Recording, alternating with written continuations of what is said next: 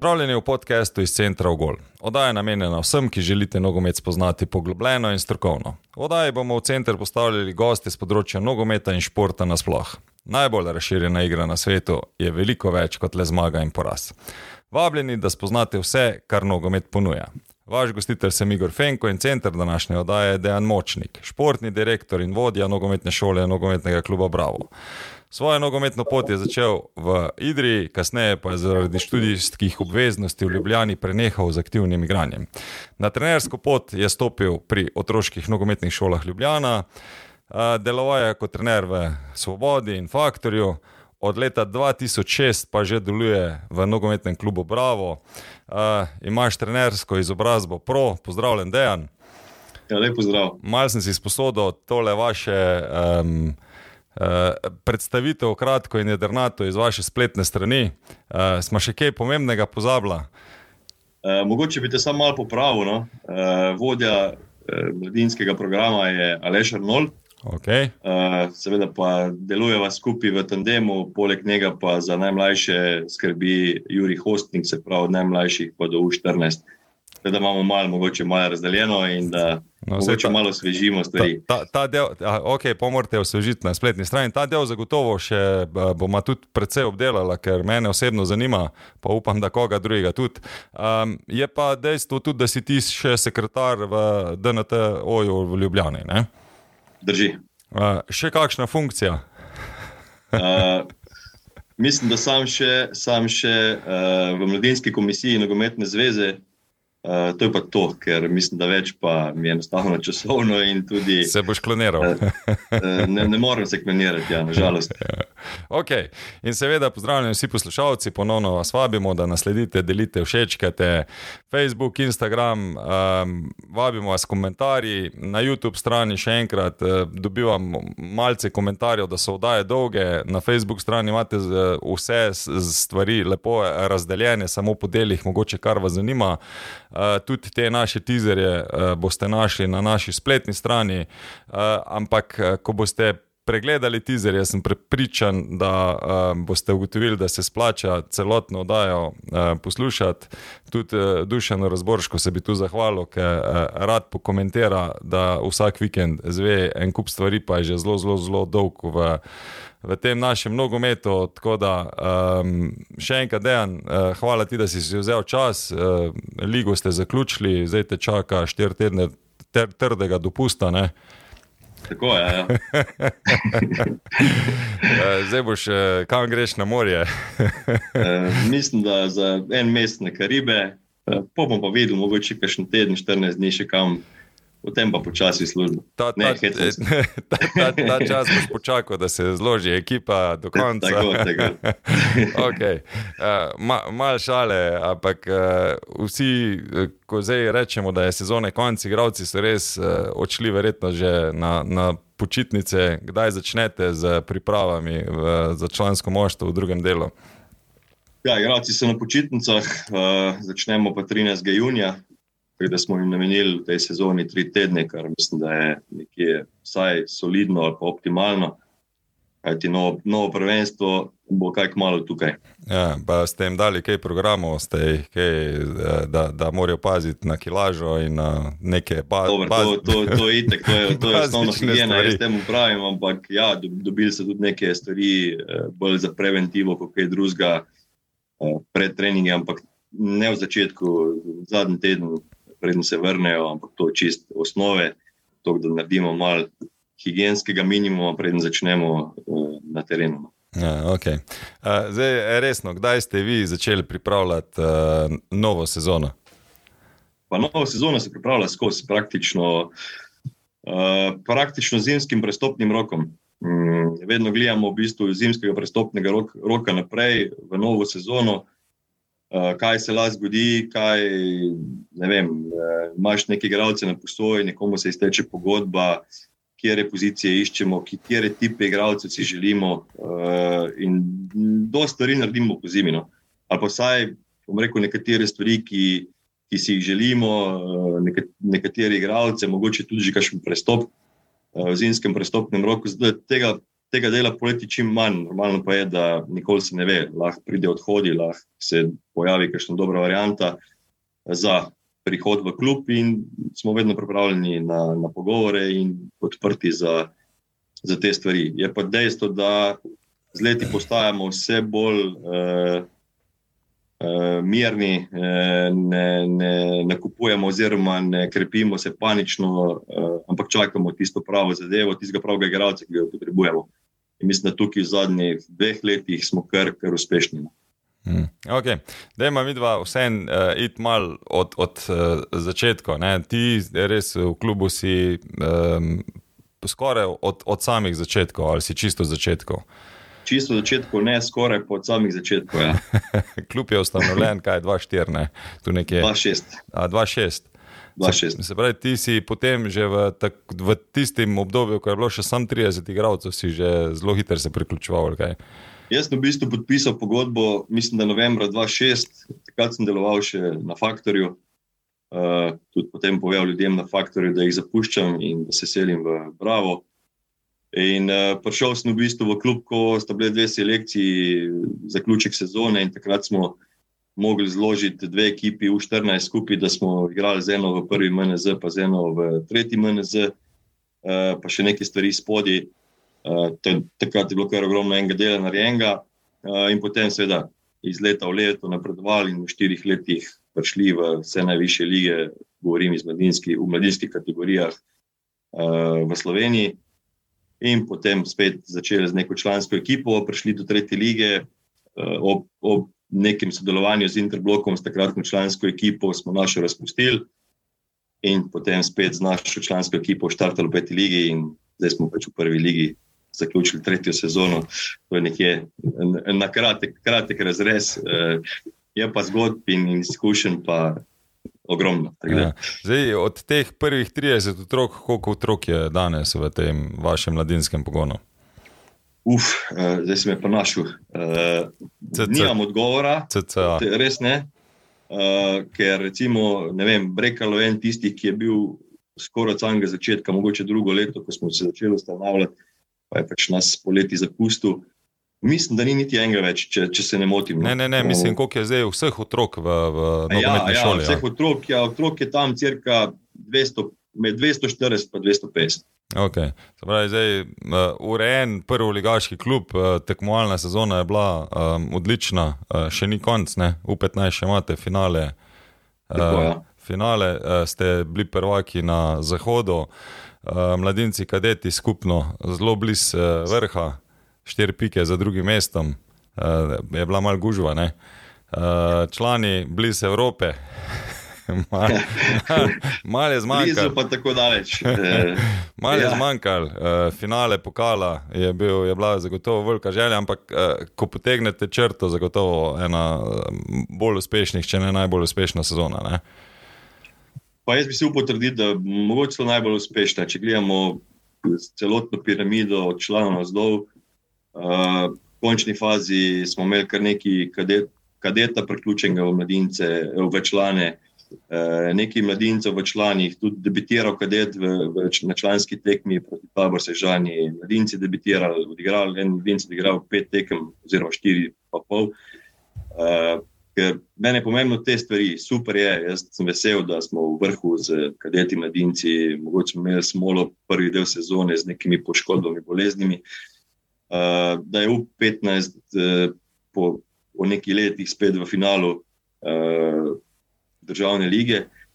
Uh, ampak me bolj zanima, kaj, katere fante iz teh bomo lahko čim hitreje priključevali generacijam više, in, in na koncu, da ne bo nekdo od teh fantov čim več igral za, za člansko ekipo. Ker če pogledamo generacijo 2000, kjer smo bili državni prvaki, od takratnih fantov jih kar nekaj igra res na nogomet, se pravi, ali v Sloveniji, ali še pri nas, ali v kateri že tujini, uh, kar je pa tisto, kar, kar delamo in kar je naše poslanstvo. Okay, zdaj, um, malo provokativno vprašanje. Se imate vi za razvojni klub ali se imate za tisti tekmovalni klub, pa koliko je sploh razlike, če je razlike med enim in med drugim? Pa jaz bi rekel oboje. Uh, oboje, uh, mislim, Seveda, mora iti oboje, ker da vsem razvijal, pa pa ne imel tekmovalnih ambicij, ni v redu. Ali spadiš iz lige, ali imaš druge težave, kako koli. Uh, tudi če si tekmovalen klub, jaz trdim, da v Sloveniji lahko daš enega do dva mladega igralca, ki ga razviješ, ob tem, da loviš nek rezultat. To počne Dinamo uh, na Hrvaškem zelo uspešno, to počnejo drugi evropski klubi zelo uspešno. Uh, je pa dejstvo, da moraš imeti pač ogrodje ekipe na dobrem nivoju, da lahko, bom rekel, nekoga vržeš v ogen.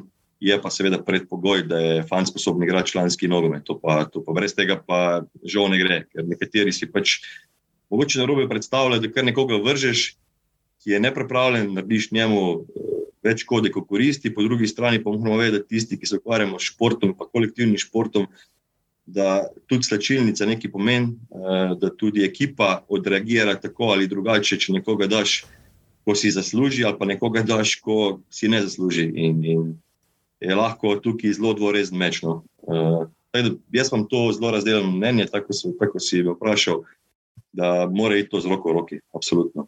Je pa dejstvo, da če pa tok. S tako mladimi fanti, s tako mlado ekipo, ko se mi gremo letos, eh, je pa ta uspeh, ki smo ga dosegli, sigurno velik uspeh, eh, da smo blizu, bili blizu Evrope, ne samo pokalo, jaz trdim, da tudi dolg časa v, v prvenstvu, da nam je zmanjkalo neke tekme, ki so se lomile. Uh, ampak ok, spet ne, ne neki izkušnji, neki teh stvari. Uh, je, pa, je pa težko biti pa čist toliko tekmovalen, da pa kar med prve tri, uh, ker pa vse en izkušnje in kvaliteta pa uh, nekaj pomeni. Ja, se, le, letos je bilo že kar veliko klubov, ki je um, tako v začetku sezone imelo interes um, ali pa cilj, da bojo znotraj prve trojice. Zdaj, ja, ja. Da, govorimo lahko zagotovo o sedmih ali pa celo osmih ekipah, ki so imele en tak velik, uh, um, veliko željo ali pa cilj, mogoče tudi, da, da dosežejo to. Tako da zdaj ta naša prva liga je postala zelo um, tekmovalna. Ne? Kar je pa potem na drugi strani to, kar ti govoriš, ne, z mladimi igravci, verjetno na dolgi rok, ali pa na to, kar je mogoče tudi vam cilj, ta uh, mladinska šola. Um, pa bomo poskušala zdaj ugotavljati, malo mogoče vse, kakšna je ta naveza. Ne. Ampak vse ti. Eh, štartal si v otroških nogometnih šolah, se, se pravi s temi najmlajšimi, zdaj Ljubljana še ima vedno pokriva skoraj tisoč otrok v teh otroških nogometnih šolah ali pa neki česne. Um, Koliko vi še sodelujete kljub z otroškimi nogometnimi, šol, nogometnimi šolami? Vi nimate svojih uh, uh, skupin na šolah, verjetno, ne? ampak se dogovarjate z temi, o, temi onašeji. No? Mi imamo nekaj trenerjev, ki deluje v otroški nogometni šoli. Je res, da ko enkrat nek trener prevzame selekcijo, dve, da mu zmanjkuje dejansko časa, da, da bi opravljal še, še v otroški nogometni šoli. Ampak poizkušamo tudi, bom rekel, nekatere trenerje iz otroške nogometne šole vključevati v naš klub. V končni fazi, da vidimo, kako se prilagodijo, kakšni imajo potencial, kakšne imajo delovne navade, ali so timski ljudje, ali razmišljajo v enaki smeri kot mi in v bistvu posredno in posredno sodelujemo uh, z otroško nogometno šolo, ker je to vseeno, vseeno en pomemben, pomemben faktor, kako koli, ker želimo iz, iz uh, otroške nogometne šole, če le možno čim več, čim več otrok uh, pridobiti v klub. Ker tu zdaj, uh, verjetno sta dva momenta, ko sta meni zanimiva, v katerih, po mojem, večina klubov še vedno ne razmišlja. Eno je pač uh, skadrovati uh, igralca, ampak na drugi strani tudi skadrovati kvalitetnega, dobrega trenerja. A je to tudi nek poligon ONŠ za trenerje, kjer lahko vi tudi opazujete, pa vidite, koga bi lahko vi. Poklicali ali pa prvabili tudi v klub, zato da se bo razvijal v vaši sredini? Je, seveda je vedno iščemo, normalno je, da, da vem, nek trener, ki, ki začne z mlajšimi selekcijami, vedno ambicije po višjih selekcijah. Uh, nastane težava, ko imaš v klubu rekel, 5-6 kvalitetnih trenerjev, ki jih ne moreš kar zamenjati. In ko si nekdo želi više pozicije, ali išče, seveda, po druge, ali pa je mogoče potrpežljiv in čaka svojo priložnost, ker pri nas je vse po neki naravni poti, ve se, kdo kdo koga zamenja, če se karkoli zgodi. To imamo zelo dobro raz, razčiščene zadeve. In mi je pomembno, da ko dobimo nekoga, da prvo, že predtem, da dobim jaz v klub oziroma naš tim, je nam je pomembno, da, da je sposoben delati v timu, da si sposoben učiti, da je sposoben napredovati, da, da, da je pripravljen deliti eh, svoje mnenje, svoje znanje, svoje izkušnje. Tudi če ni kvalitetni še v tem trenutku, ampak neke lastnosti človeka, ki so pomembne za razvoj, so nam v bistvu v danem trenutku bolj pomembne kot trenutno nekdo, ki ne vem, mogoče deluje na višjem nivoju, nekdo mogoče šele v otroški nogometni šoli.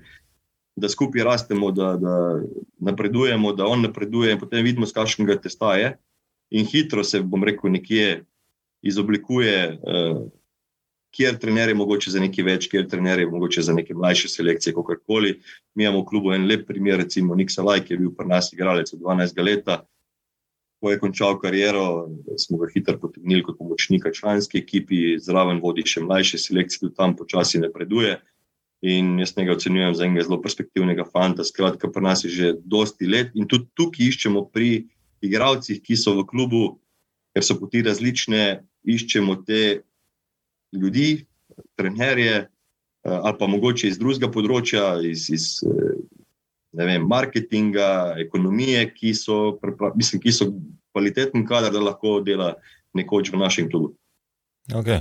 Um, zdaj, ti si dal praktično celo nogometno šolo čez kot trener. Um, kje je sploh prišla odločitev, ali je bila to tvoja želja, je bila to uh, vašega časnega predsednika, uh, gospoda Klariča, ž, uh, da je ocenil, da bi ti lahko peljal tudi ta del?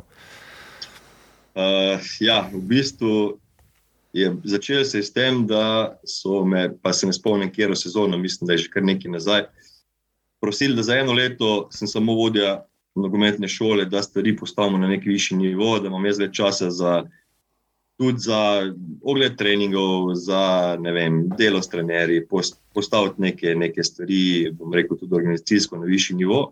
Takrat nisi več deloval kot trener, se pravi, nisi imel svoje In, skupine. Tak, takrat so rekli, prezemi samo to, pa da imamo narediti korake naprej. Takrat je bil v klubu Matjaš Jakopič eh, in, in tudi Darko Klariče. Eh, in vse, kako je eno sezono, dobro, naredimo nekaj nek korak naprej, neke stvari, in potem se vrnem na igrišče. No, potem je bila ena sezona, pa je bila druga sezona, kot samo vodje šole, brez ekipe. Potem smo začeli prebijati s člani na višji nivo in vedno več delati tudi s člansko ekipo. In v nekem trenutku je bila ne vem, potreba po, po nekem profilu kot športni direktor, takrat se ga sicer še ni rabo, tudi uradno ga, ga ne potrebuješ. Uh, ampak sem jih prosil, da lahko še ta del pokrije, sem kot je bom, naredimo še tukaj, si postavimo jasne cilje, uh, zavihamo rokave in, in sem tle, še, vedno, še vedno na tej poti.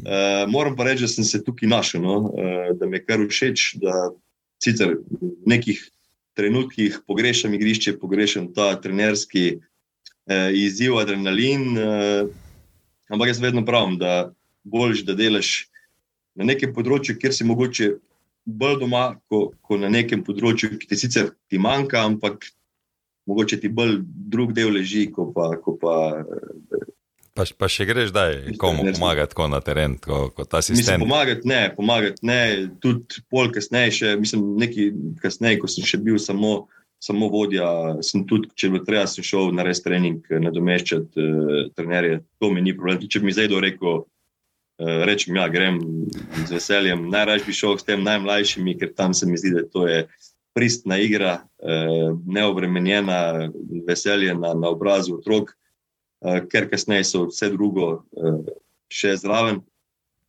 Ja, ni mi težko, šel bi z veseljem, ampak prepuščam tistim, ki so v tem trenutku boljši od mene in naj oni počnejo ta posel. Ampak še vedno pa svetuješ. pa, mislim, svetujem. Ne bi rekel, da svetujem, rekel bi, da delim svoje izkušnje, delim svoje poglede. Uh, je pa res, da sem že tok izven nekega resnega dela z ekipo, da bi težko bil zdaj pameten. No? Uh, vsak, vsak, vsake stvari, normalno je, da, da gledam, kam gremo, kako igramo, kaj počnemo, kako se ta igralec razvija. Se veliko se pogovarjamo, ampak da pa zdaj, ne vem, prišel na igrišče, pa pometoval na treningu, to pa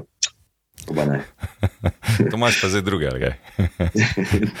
Mislim, to delamo, to delamo, ko se pogovarjamo uh, po sklopih, uh, po generacijah.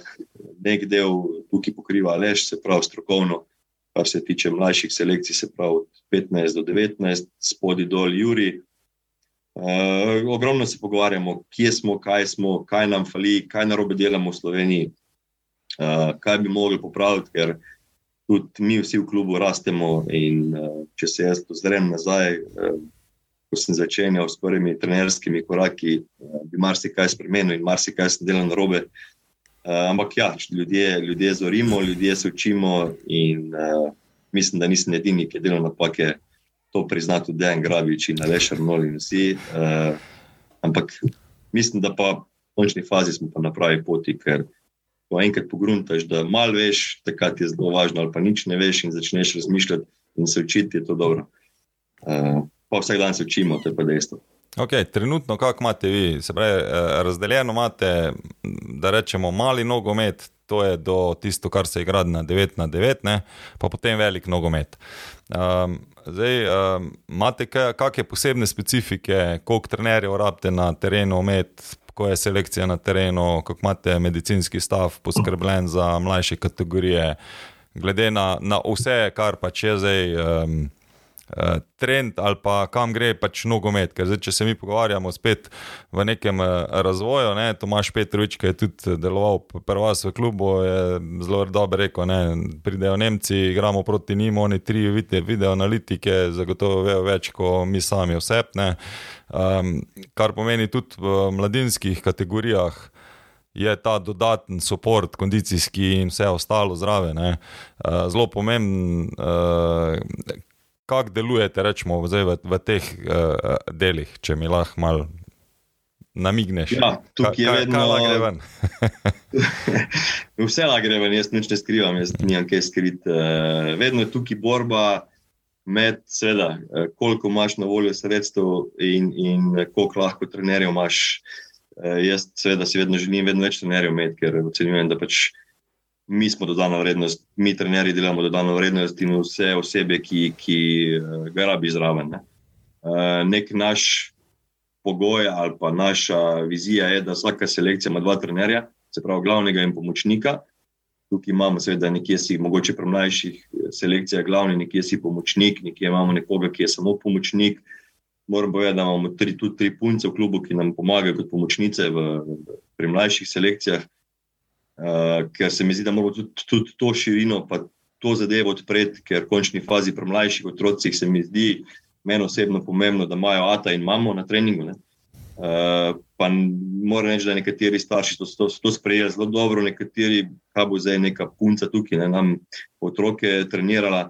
Ampak izhajam iz tega, da ste imeli obe dve moji hčeri v vrtu, uh, vzgojitla in vzgojiteljico, in da je bila to ful dobra kombinacija. In vedno še zdaj govorita, pa ena je že skoraj odrasla, ena je peti razred, kako je to bilo fajn. In tudi sam sem videl, kako je bil uh, vzgojitelj Ata, pa bolj za igrače, vzgojiteljica je bila mama, pa mogoče neke druge stvari.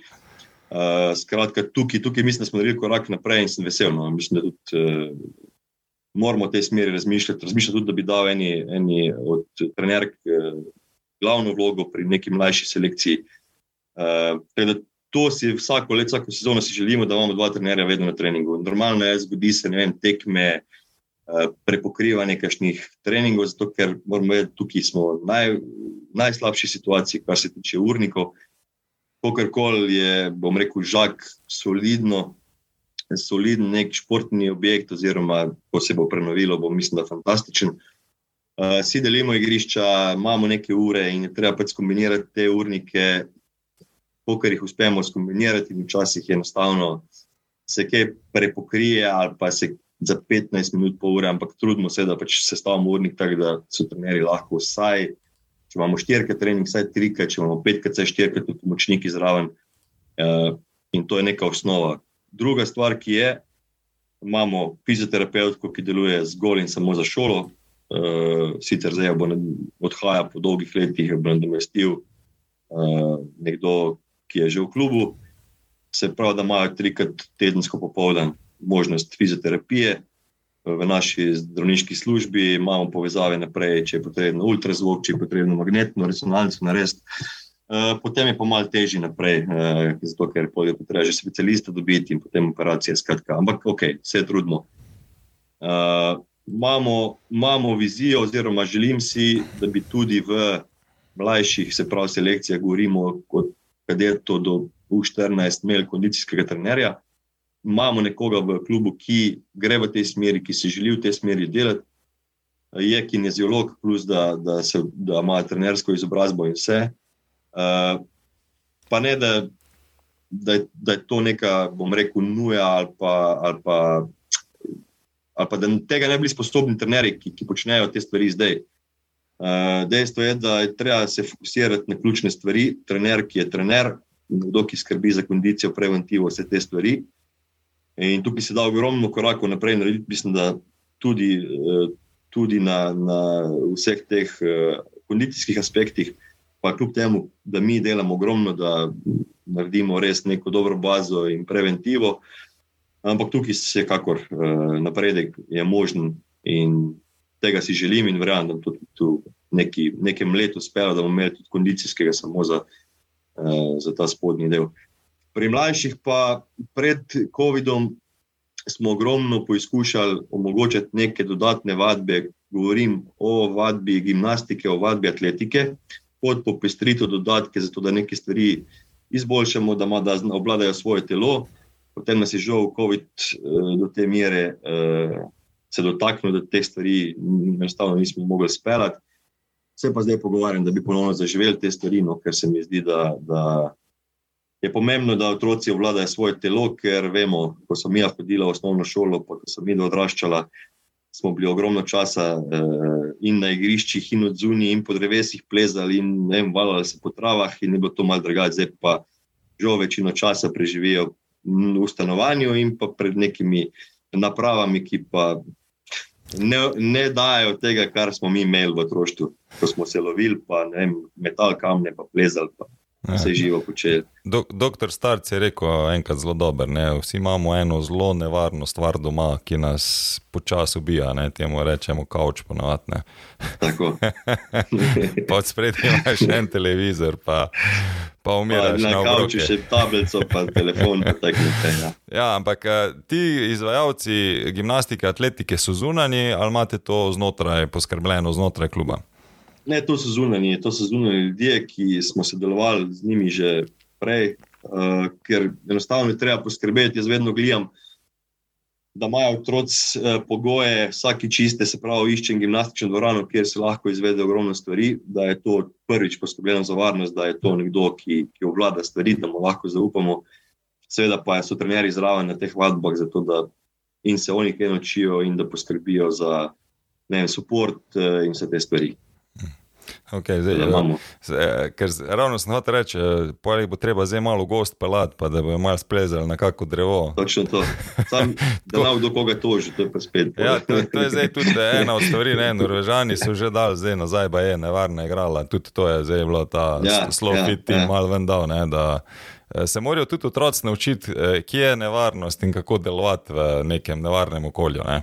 Absolutno. Absolutno. Da, da nismo pol vse pedagogi, pa trenerji krivi, če se karkoli zgodi. Ja, ja. Eh, bomo pa poskrbeli za varnost. V glavnem, koliko imate vi zdaj tima v nogometni šoli, če veš, slučajno ali pa vsaj crka, koliko ljudi skrbi za teh 250 otrok? Mislim, da je crka 20 ljudi.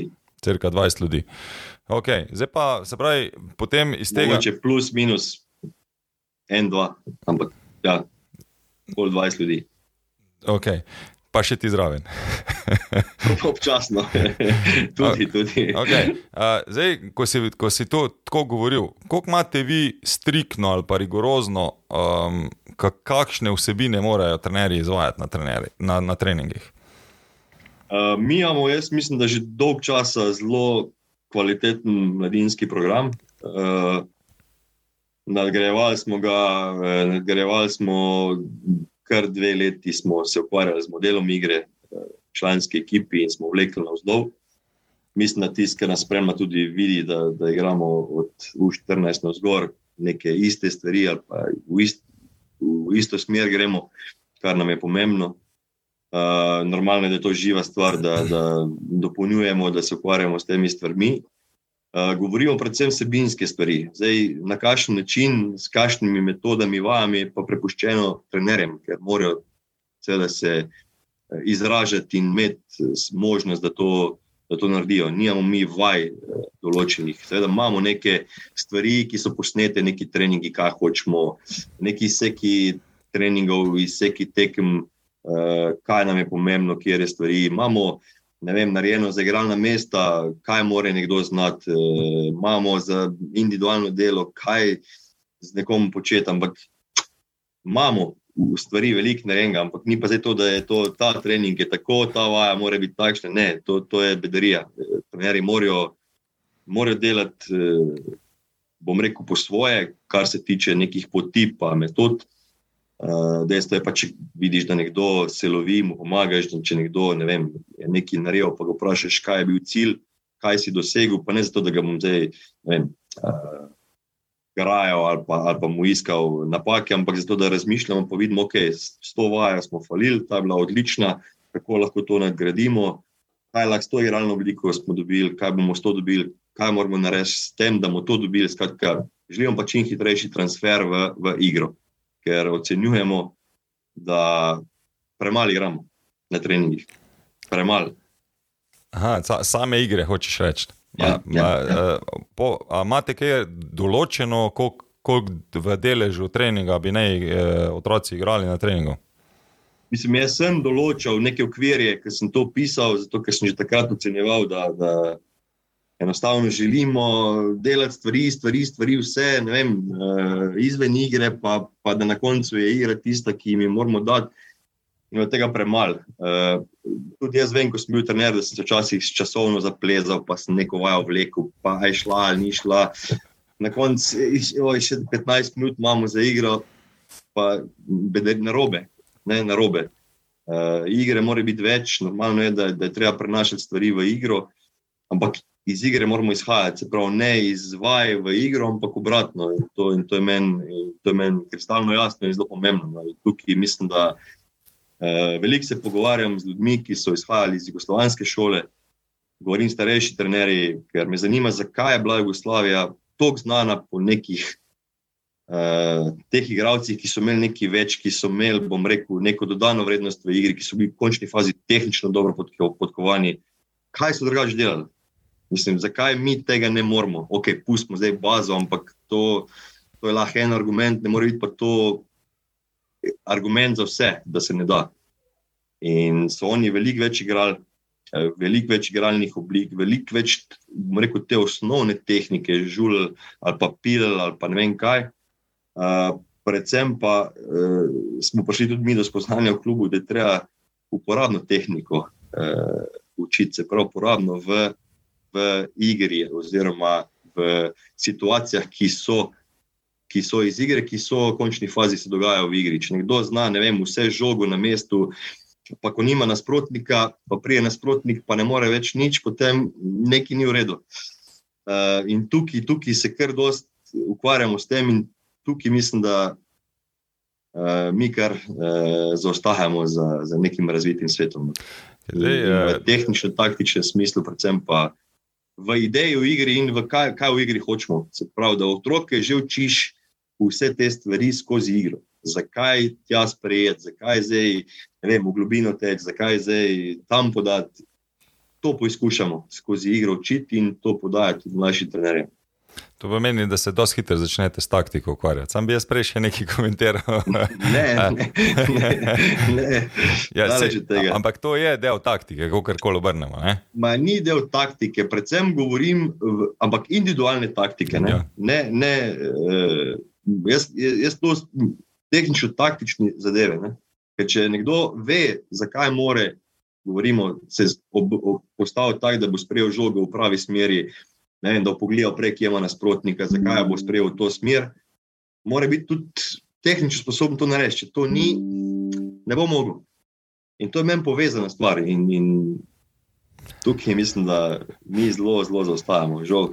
To, ena zadeva je, da vem, vem, da je Hostnik eno prvih nalog, ko je, po mojem, še v času študija, verjetno delo je bilo, da je meril, koliko so otroci aktivni, ne, glede na to, da ga imaš v klubu na U15. Ne, eh, in je vem, da je iz enega treninga prišel cel eh, razočaran. Tudi, mislim, da si bil ti na tem predavanju, ko je rekel, da so bili otroci aktivni 8 minut na, v uri pa pol treninga, vse ostalo so ostali ali sedeli. Se spomniš te, tega?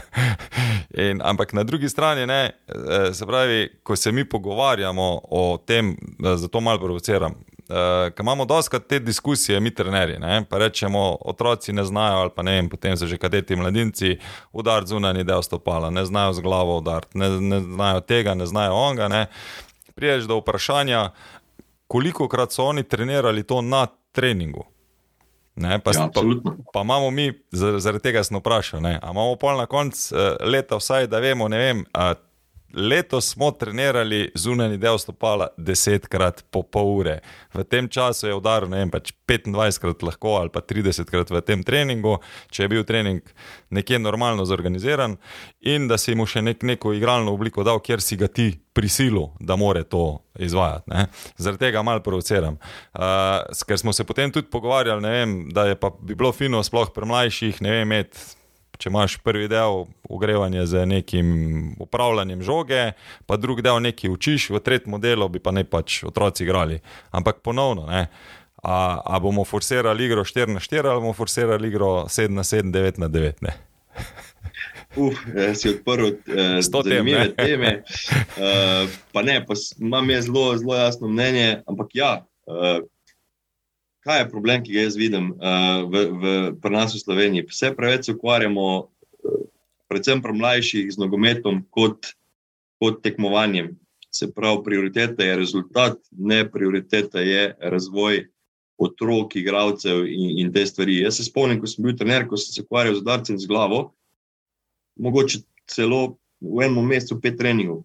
Uživali so otroci fanti, prekadeti, prvo 15, zato ker imaš udarca z glavo, počneš lahko ogromno stvari. Uh, in na koncu, seveda, udarec z glavo s pacem in take zadeve, in na koncu tekmuješ v igri, kdo bo dal več golov z glavo. Skratka, kup stvari se da zapeljati. In uh, ja, premalo se ukvarjamo s temi stvarmi, premalo, predvsem pri mlajših, ker želimo, vem, da oni igrajo, kakšen sistem, zdaj ti moraš tega varovati, ti moraš to, ti moraš uno, ne smemo to. Ne, osnove, trikotnike iščemo, pretamali jih igramo, uh, letimo gor, direkt v igralca žogo, pravimo vzeti gor. Ena na ena moramo zadnji puščati, to je moje mnenje, ker igralec mora biti sposoben. Enkrat mu bo zbežal, stokrat mu bo zbežal, sto prvič mu ne bo več, bo branil, bo nekaj se naučil, ne pa z nekimi varovalkami že prtamalih in pa se on to uči skozi, da ima varovalko in kako bo on za ena na ena branil na nekem resnem nivoju. Uh, take stvari. No. Meni je to pomembno in mislim, da premalo premal gremo v to smer, kamor gre moderni nogomet. Se pravi, vem, jaz gledam avstrijsko ligo, gledam avstrijske otroke, ki smo jih včasih, ko sem jaz začenjal, bunkali za petimi, šestimi goli razlike, ko šel na turnir ali prijateljsko tekmo. Zdaj pa greš v Avstrijo na tekmo, pa priješ domov z dolgim nosom, eh, z mlajšimi selekcijami, ponovadi. In to je navito, oni, oni letijo po igrišču, to je vse v hitrem teku, v sprintih in, in to, to ni trenirano, to je nesporno. Mi pa tega ne treniramo, tako mi drugače treniramo. In jaz govorim že nekaj let, da moramo mi poenotiti eh, eh delo v Sloveniji, seveda od vrha na vzdolj, vzdolj neke smernice, eh, kam hočemo, kakšen model hočemo, mi kakšne igralce hočemo vzgajati, na kakšen način lahko mi nekaj naredimo. V Evropi govorim z reprezentanci, z mlajšimi reprezentancami, in kakšne tipe igralca, in, in v končni fazi, kako bomo zgledali na igrišču. Moramo najti nek svoj, svoj način, oziroma svojo pot pod tem soncem, ker drugače ne vidim jaz, ne vidim jaz svetle točke, da bomo spet na velikem tekmovanju uh, v naslednjih ne, 20 letih. Pa ne zato, da nimamo mi potencijala spodaj, ampak enostavno moramo biti sposobni. Iz tega, kar imamo, ker nimamo veliko, narediti maksimum in to je pa naše poslanstvo. Pa in ti, naš obvezen. Pa ti meniš, da zdaj, če bi rečemo, naš, gledal iz eh, vrha NZS, kako bi vi sprejeli, recimo, da bi reprezentance igrale v nekem drugem uh, modelu, bi se ti kot športni direktor, pa kljub bi bili pripravljeni prilagoditi, da bi določene principe in ostale stvari, ki bi se pravi kot model slovenskega nogometa nas usmerjali ali bi ustrajali na, na tem, kar uh, imate vi v klubu. Ne, uh, mislim, jaz verjamem, da smo vsi tako pametni, pa, pa da vemo, da moramo iti v neko smer, ki je za vse nas dobra. Ne smemo, pa vse v končni fazi, če pogledamo, s kakšnimi na kakšen način smo se mi vrčili na velike tekmovanja, ne, eh, je vzorc podoben. Se pravi, fajt, trdo delo, garanje, letimo, garamo, eh, vse pustimo na igrišču, kar imamo in zmagamo tekmo in se vrstimo, pa včasih nas še nekdo malo po. po eh, Nagradi, ne? ampak nagradi zato, ker smo bili pravi, ne zato, ker je kar nekaj padlo noter. Ne? Uh, se pravi, vzorec je in tudi jaz verjamem, da imamo ljudi na zvezi in, in okoli zveze, ki znajo uh, pa vejo, na kakšen način bi mi to lahko. Potem je pa zelo enostavno, ali boš to delal, pa boš ne vem, dobil neka finančna sredstva iz strani NZS, ali pa greš svojo pot, pa pač teh sredstev ne dobivaš. Eh, zelo preprosto. In jaz mislim, da večina bi se odločila za to, pa ne zaradi finančnih sredstev, ampak zato, ker bi to mogla biti pot, ki. Uh, jo moramo vsi prepoznati in vsi stremeti temu, ker v končni fazi vsi delamo za to, da bo nekoč neki igralec, ki je zdaj uh, v deset v A reprezentanci in da, imamo, da ga gledamo na Evropskem prvenstvu. Ampak, verjetno je tudi, eh, točno to, verjetno ti je tudi interes, da imaš ti, vem, od U15 do U19 ali U21, da imaš ti igralce vse en v reprezentanci in da nabirajo te ekstra težke tekme. Ne? Absolutno.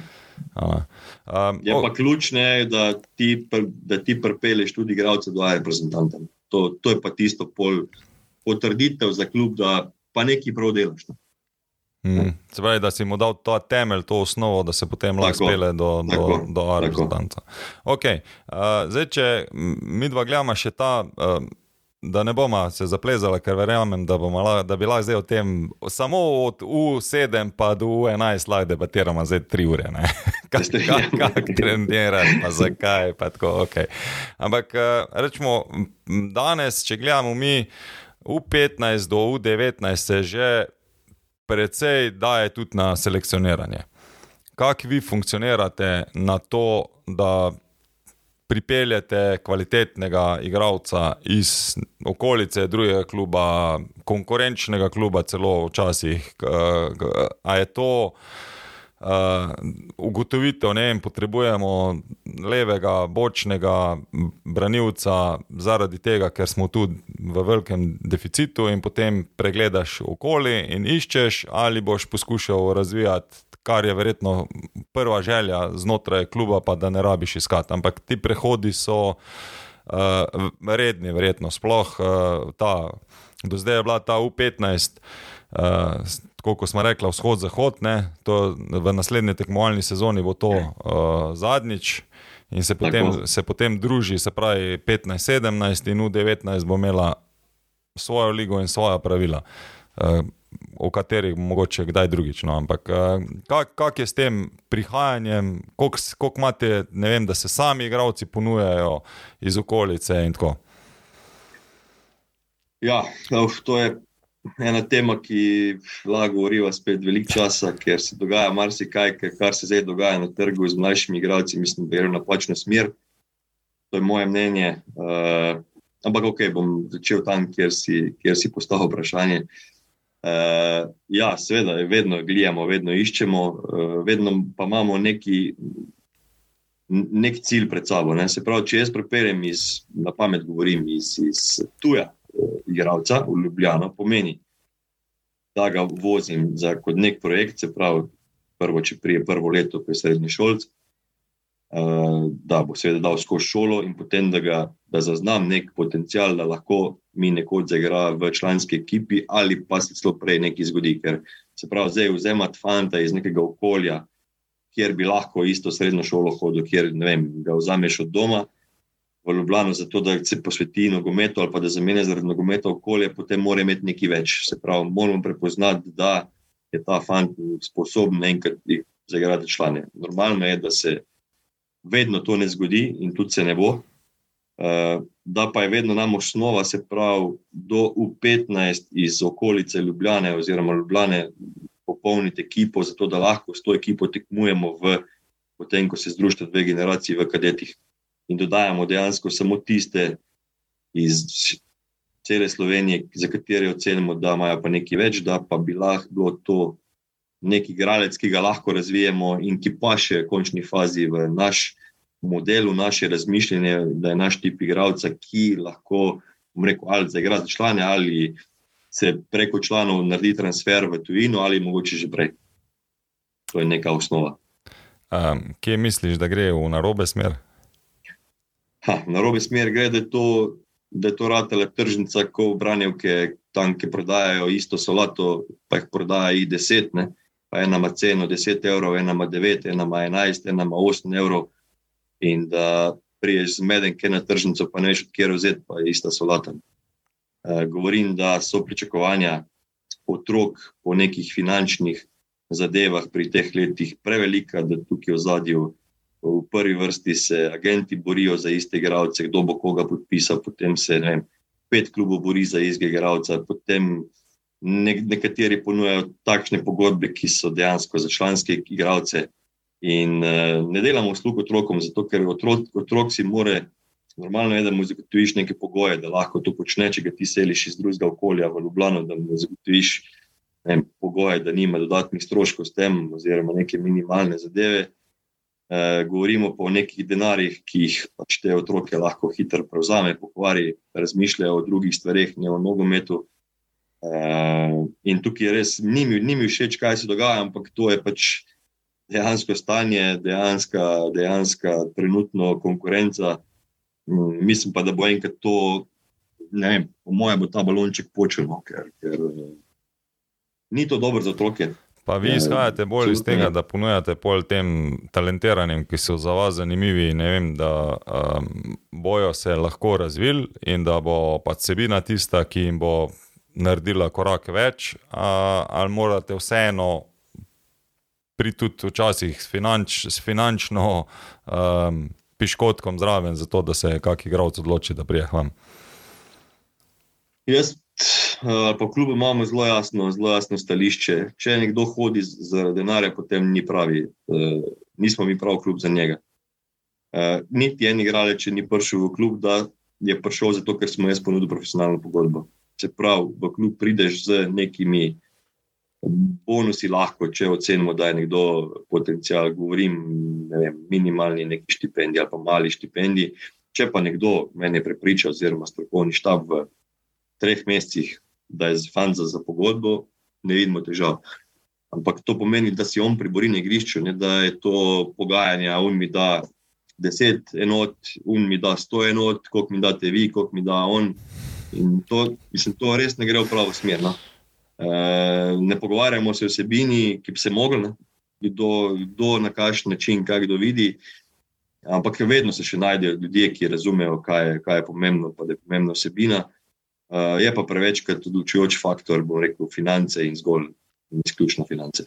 Okay, eno provokativno, koliko ti meniš, da je na generacijo v Sloveniji igralcev, ki bodo kot člani tržno zanimivi, govorimo vem, v 16, v 17? Zelo različno generacije. Uh, nekje pa, da je reči, od Naredili smo kar dosti nekih analiz za generacije za nazaj, kaj to pomeni, kje so bili reprezentanti pri EU21, kateri niso bili, kateri so naredili karijere. Tam nekje se giblje številka med, štiri, med 3 in 6, nekje smo poprečju na generacijo, da igrajo resno nogomet. Ja, to, to se smem zaradi tega, ker pač tudi ko sem jaz deloval v teh reprezentancah, ne, vedno je bilo tako. Ne, vsi, ko so stopili v reprezentanco, so že čutili, da so že v tujini. A dejstvo je bilo, da znotraj je točno to, tri, štiri, potem pa že zelo, zelo težko. Pravi, ostalo je naša prva liga, ampak da bo pa kljub rečemo zaslužil od koga še, pa zelo, zelo težko. Ampak vseeno, zdaj, če mi, mi dva pre, prestopimo, smo že tudi prestopili prvi polcaj, tako da že igramo drugega. Odlično. če mi dva zdaj prestopimo, potem se pravi v članski tim. um, glede na to, da, da, da verjetno ti je zdaj to več ali manj uh, primarni del, ne, um, kako potem funkcionira klub, a je cilj kluba, da zagotovi določen finančna sredstva, glede na to, da Slovenska liga. Uh, to je pač moje mnenje, bi morala biti razvojna liga, kjer bi mi morali delati čim več na tem, da razvijamo igralce. To ne pomeni zdaj, da bomo stare igralce dali stran, tega, ker s starejšimi igralci se mlajši razvijajo, ne? ampak uh, nek. Uh, um, uh, ravno pravi, eh, eh, prava mešanica, ne? ampak vseeno, koliko vi pričakujete letno, ali pa koliko imate cilja, da si boste zagotovili proračuna za to, eh, kar boste prodali od, eh, iz vašega tima. Bom odkrit, ker spet neč ne skrivamo. Eh, dejstvo je, da želimo biti samo zadostni. In zato je pač tudi ključna, ključna prodaja igralcev. Uh, bili smo uspešni, sigurno, zdaj od druge lige naprej, da smo te stvari zelo dobro zapirali. E, nas je tudi en transfer tik pred COVID-om rešil, takrat, e, ki je bil COVID, ne, ker enostavno, ko se je zadeva ugasnila na življenje, tudi sponzorji niso mogli, ker so bili. V končni fazi financiranja, oziroma so financirani strani države. Takrat. Uh, zdaj, ok, uh, težava je, ki jo mi v klubu zaznavamo, se pravi, ker imamo dve stvari. Eh, mi gledamo tekmovalno sezono, eh, eno je pa poslovno leto, ki je seveda tekoče leto, ko moraš oddati poročilo in vse te stvari. In včasih prije do situacije, da je v poslovnem letu nekaj manjko, zato ker imaš ti planirane prihodke. V drugem letu, oziroma vezano na sezono, ali pa nek, imaš pa neko, neko poslovno leto, bom rekel, nek plus, ki, uh, ki si ga ustvaril, ampak imaš pa razporedeno spet čez celo sezono. Tukaj imamo dosti teh stvari, no, ker je pač ok, tako je, da bi tudi poslovno leto spremenili, ni pa to idealno, ker vsi ostali uh, poslovni subjekti funkcionirajo na, na, od 1. 1. do 31. Ja, decembra. Uh, ampak ja, mi imamo cilj vsako leto, se pravi, na res prodajami okrog 700 do 750 tisoč evrov, kar pomeni, da z vsemi ostalimi dejavnostmi v klubu uh, nekje proračun zapremo. To je pač uh, nek naš cilj. In do zdaj smo bili, bom rekel, kar uspešni, je pa, je pa dejstvo, da z in s COVID-om in s trenutno krizo, oziroma vojno v Ukrajini, je dosti, dosti težje prodajati igralce, kot je bilo pred COVID-om. In da so klubi previdni, in da tudi so očkodnine mogoče niže. Tako da trg, je kar, je kar trenutno, kar tako bom rekel, naporen trg, ampak jaz sem optimist. Mislim, da je tudi neka taka zadeva, pa mogoče priložnost. No, za neke klube, ki. Poletje bo divje, ali kaj še. Oh, Ja, se vedno divje, se to je. To je. Nekaj, zanimivo je to, da ti si vse ne vem, zlagaš neke stvari. Mogoče pričakuješ, da bo nekdo šel, pa nekdo ne bo šel, se ti zgodi zadnji deset dni, se obrne zadeva, ne? potem si pa na lahnem igralnem mestu odprt, ne? se pravi, da si imaš primankljaj in na druge imaš uh, malce preveč. Se vam je to že zgodilo tudi? Mi se zgodili, vedno, uh, vedno nekako nekaj planiramo. Jaz tudi z vsemi agenti, s katerimi sodelujem, oziroma s katerimi lahko delam, imam korektne odnose. Uh, in tudi prej jih vprašam, povejte mi, kakšen je plan, ali bomo delali to, ta prestopni rok, ali imate že kaj.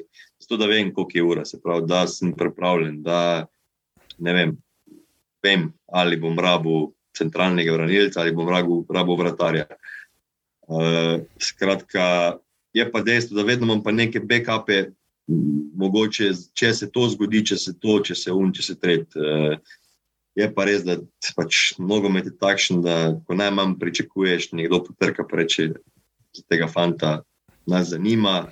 In hvala Bogu, mi, jaz pa vedno mišljenje takšno, da nobene ponudbe ni fajn zavrniti, ker ja, probaš se izboriti čim boljše pogoje in omogočiti fantu, da gre na višji nivo, in v končni fazi tudi, da ne vem, kljub nekaj dobi od tega, da lahko v nove vlaga, da lahko zapira proračun. In, in, to je to.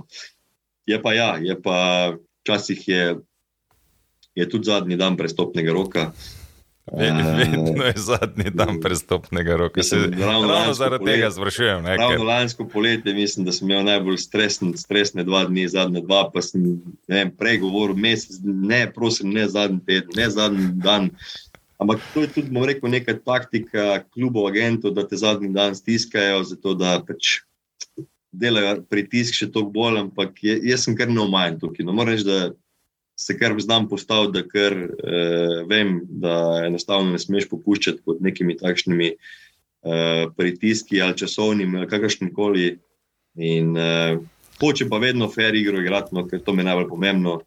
Nikoli nočem nekih eh, zakulisnih igrc in želim imeti zelo jasno sliko, to se zmenimo, to, to, to, to, to bomo naredili in fertiki. In, eh, nisem tip, da bi neki pod mizo, neki okol, neki un rekel, neki ne, to, to, to ne gre.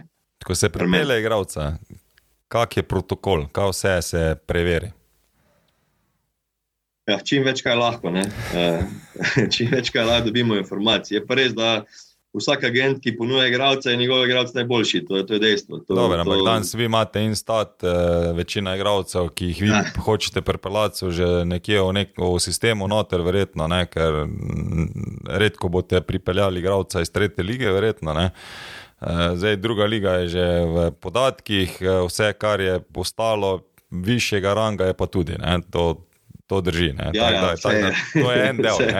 Zdaj, drug del je pa verjetno potem ta karakter, garderoba, zdravstveno stanje in vse ostalo, ki gre zraven. Eh, kako se nabirajo? Naredite kakšne intervjuje tudi z igravci? Osnova je najprej sploh. Uh, Da, igralec pa še v naš model igre, da je tip igralca, ki, ki lahko igra pri nas. Ne?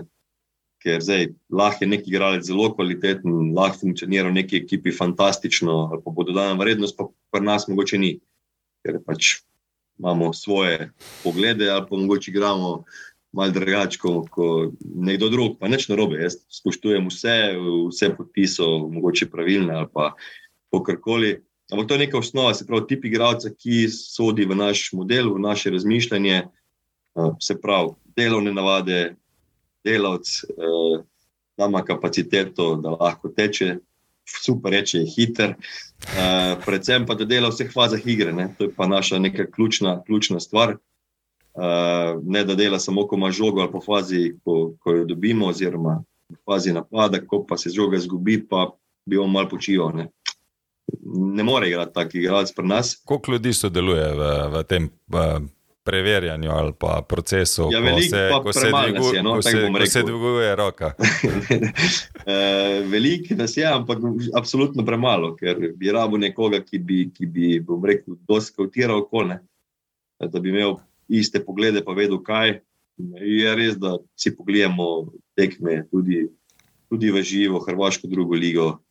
Uh, v bistvu smo, bom rekel, nek oži tim, ki se odločamo, nas je nekih pet, mi se odločamo, pregledamo, imamo nek sistem, ne vem, prvi sem jaz filter.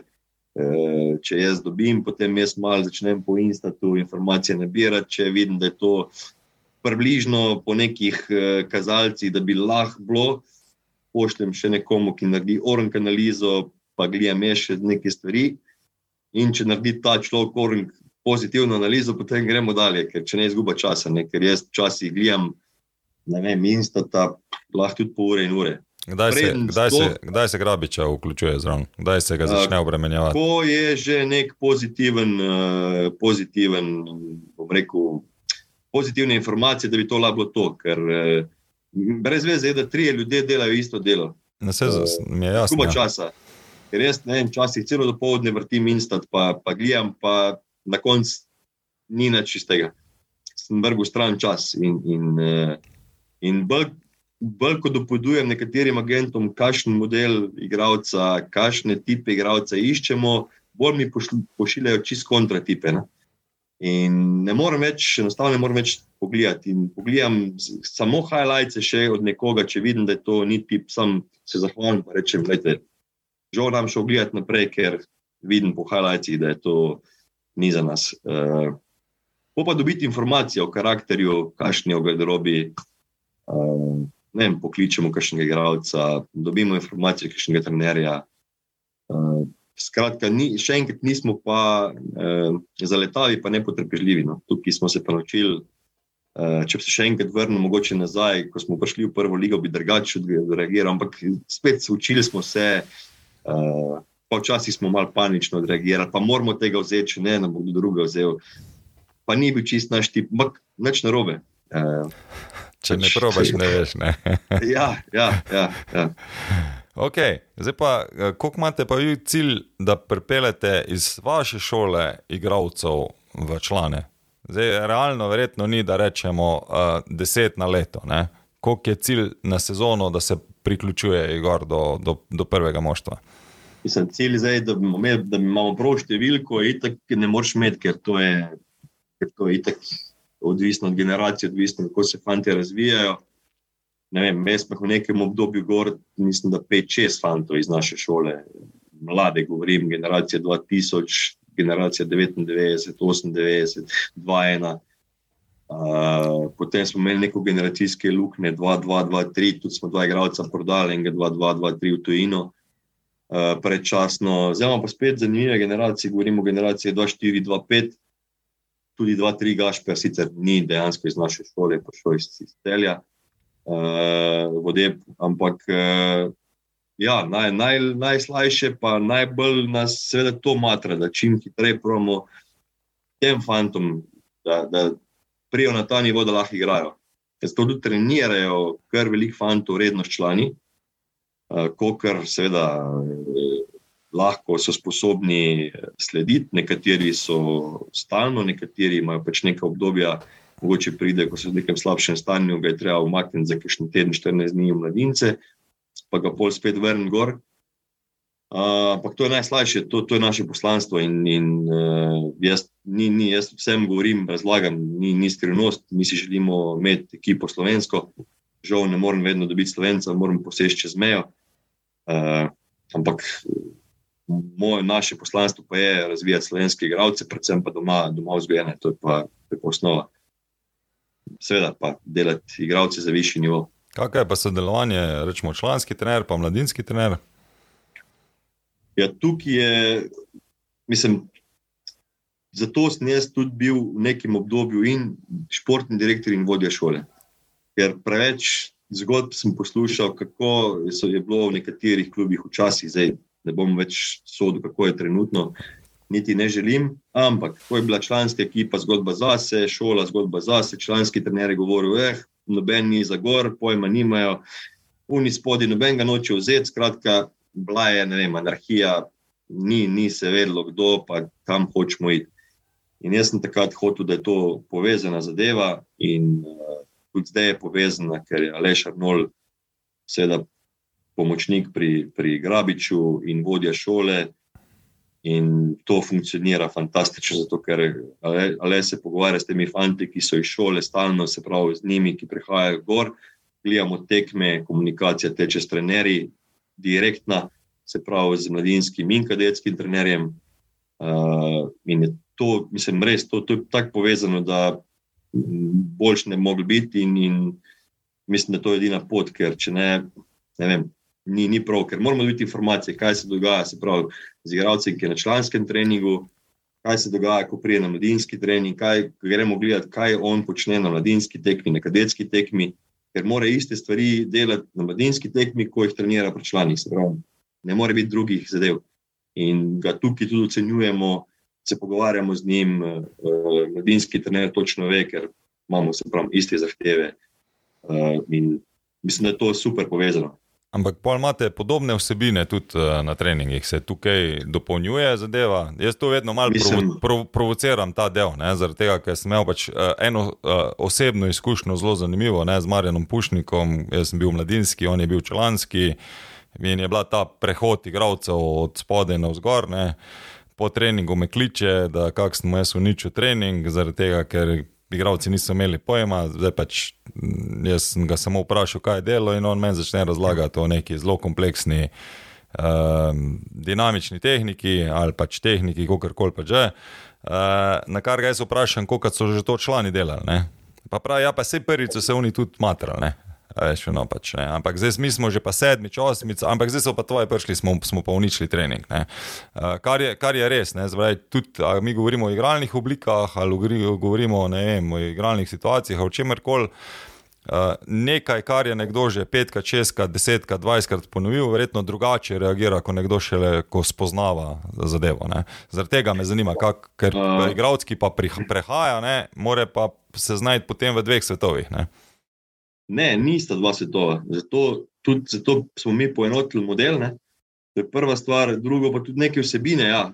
Normalno je, da so višji nivo članski treningi, da so doveli močnejši, da je vse hitrejši. Da, da, ni časa tam se ustavljati s tremi, štirimi dotiki, ker je bo izgubil duel, bo izgubil žoga, ki bo nekdo vzel.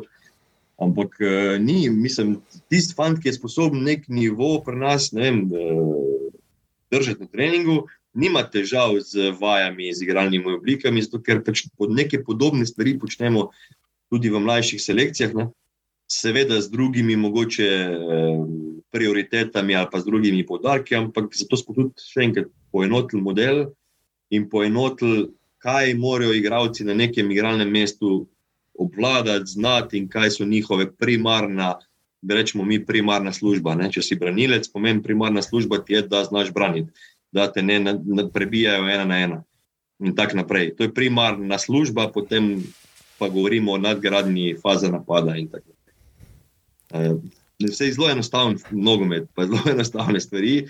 Če ne vem, imaš razčiščene zadeve. Ne. Ja, zelo, zelo. Načeloma, ja, ne, ampak je zelo, zelo, ja. zelo je kompleksno, vedno se pač pojavlja, zato pač jaz uh, sprašujem. Ja.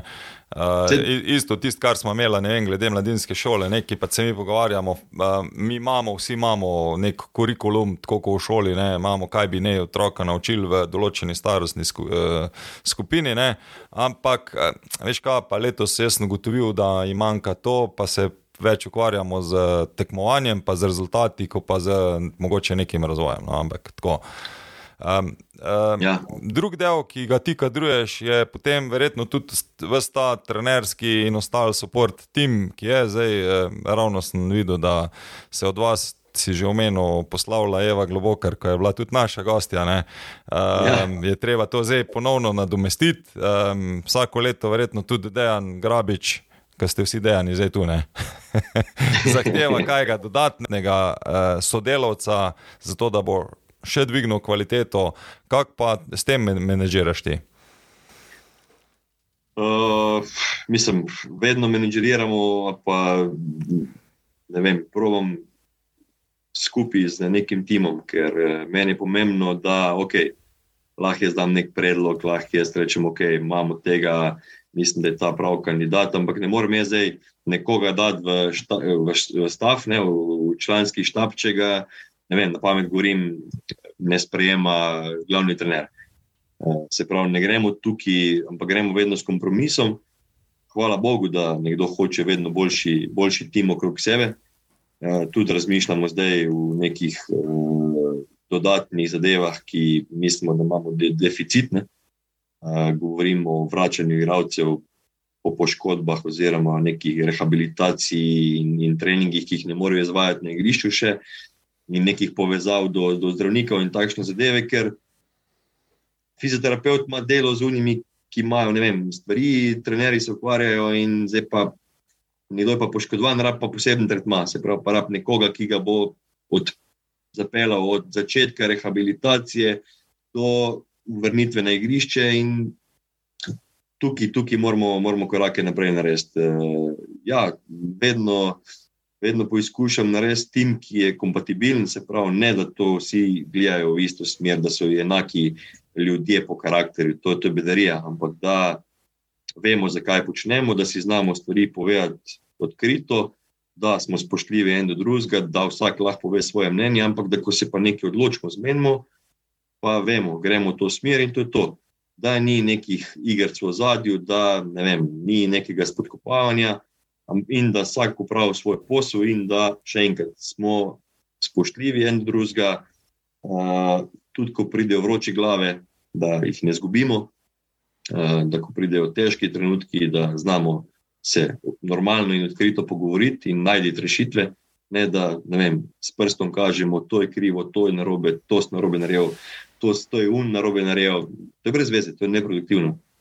Uh, ja, kompatibilen kader, mogoče tudi včasih kašnega neizkušenega, pa veš, da je pravi za tim, je bolj pomembno kot nekoga, ki ti pokvari uh, tim in ti lahko naredi velik problem in razdor v, v timu, isto je pa v Gadrobi, uh, v članski ekipi. Kako imate zdaj, uh, se pravi, trenerji in ostal support, ki skrbi za člane? Pri članski ekipi. Ja. Prav govorimo Dejan Grabič kot glavni, Aleš Arnold kot prvi pomočnik, Nik Salaj kot drugi pomočnik, Daren Šuštar kot kondicijski trener, Miha Obrez kot trener vrtarjev, uh, Enej Matizej, ki je pač končuje eh, pripravništvo, ki je bil že prej na mestu Eve, uh, spravo fizioterapeut, plus še ena Tim Klemenši, ki pomaga izvajati terapije, spravo dva fizioterapeuta, ekonom, ki, ki tudi sodeluje z ekipo vsak dan in pa še tehnični vodja ekipe, ki skrbi za svojo operativo. Mislim, da kar v redu kader. A, video analitika že razmišlja tako? Uh, ne, to žal počne, ali še nul. Žal. Mislim, žal. Uh, pa še vodja mladinske šole. Pa. Poleg vsega dela še to počne, ampak uh, ja, mislim, marsikaj je bilo fajn imeti, no, ampak zdaj pa si je pa treba postaviti prioritete, kaj je bolj pomembno, pa mogoče kaj je nujno, kaj pa, kaj pa se lahko še, bom rekel, spele znotraj nekih. Uh, ostalih nalog. Znotraj tega nivoja tekmovanja. Tako. tako. Uh, okay.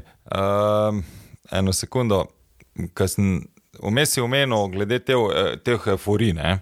Um, Doskrat se pogovarjamo, da tudi ti naši športni direktori, tako kot ti, ne, uh, so zelo navijaško usmerjeni. Um, kljub vedno potrebuje nekoga, ki je takrat, ko je euforija, da zna mal umirjati, in takrat, ko je tista agresija na drugi strani, ne, ko so vsi krivi in vse je katastrofa, da zna tudi umirjati, pravi, da drži nek nivo. A si ti ta človek potem uh, v klubu?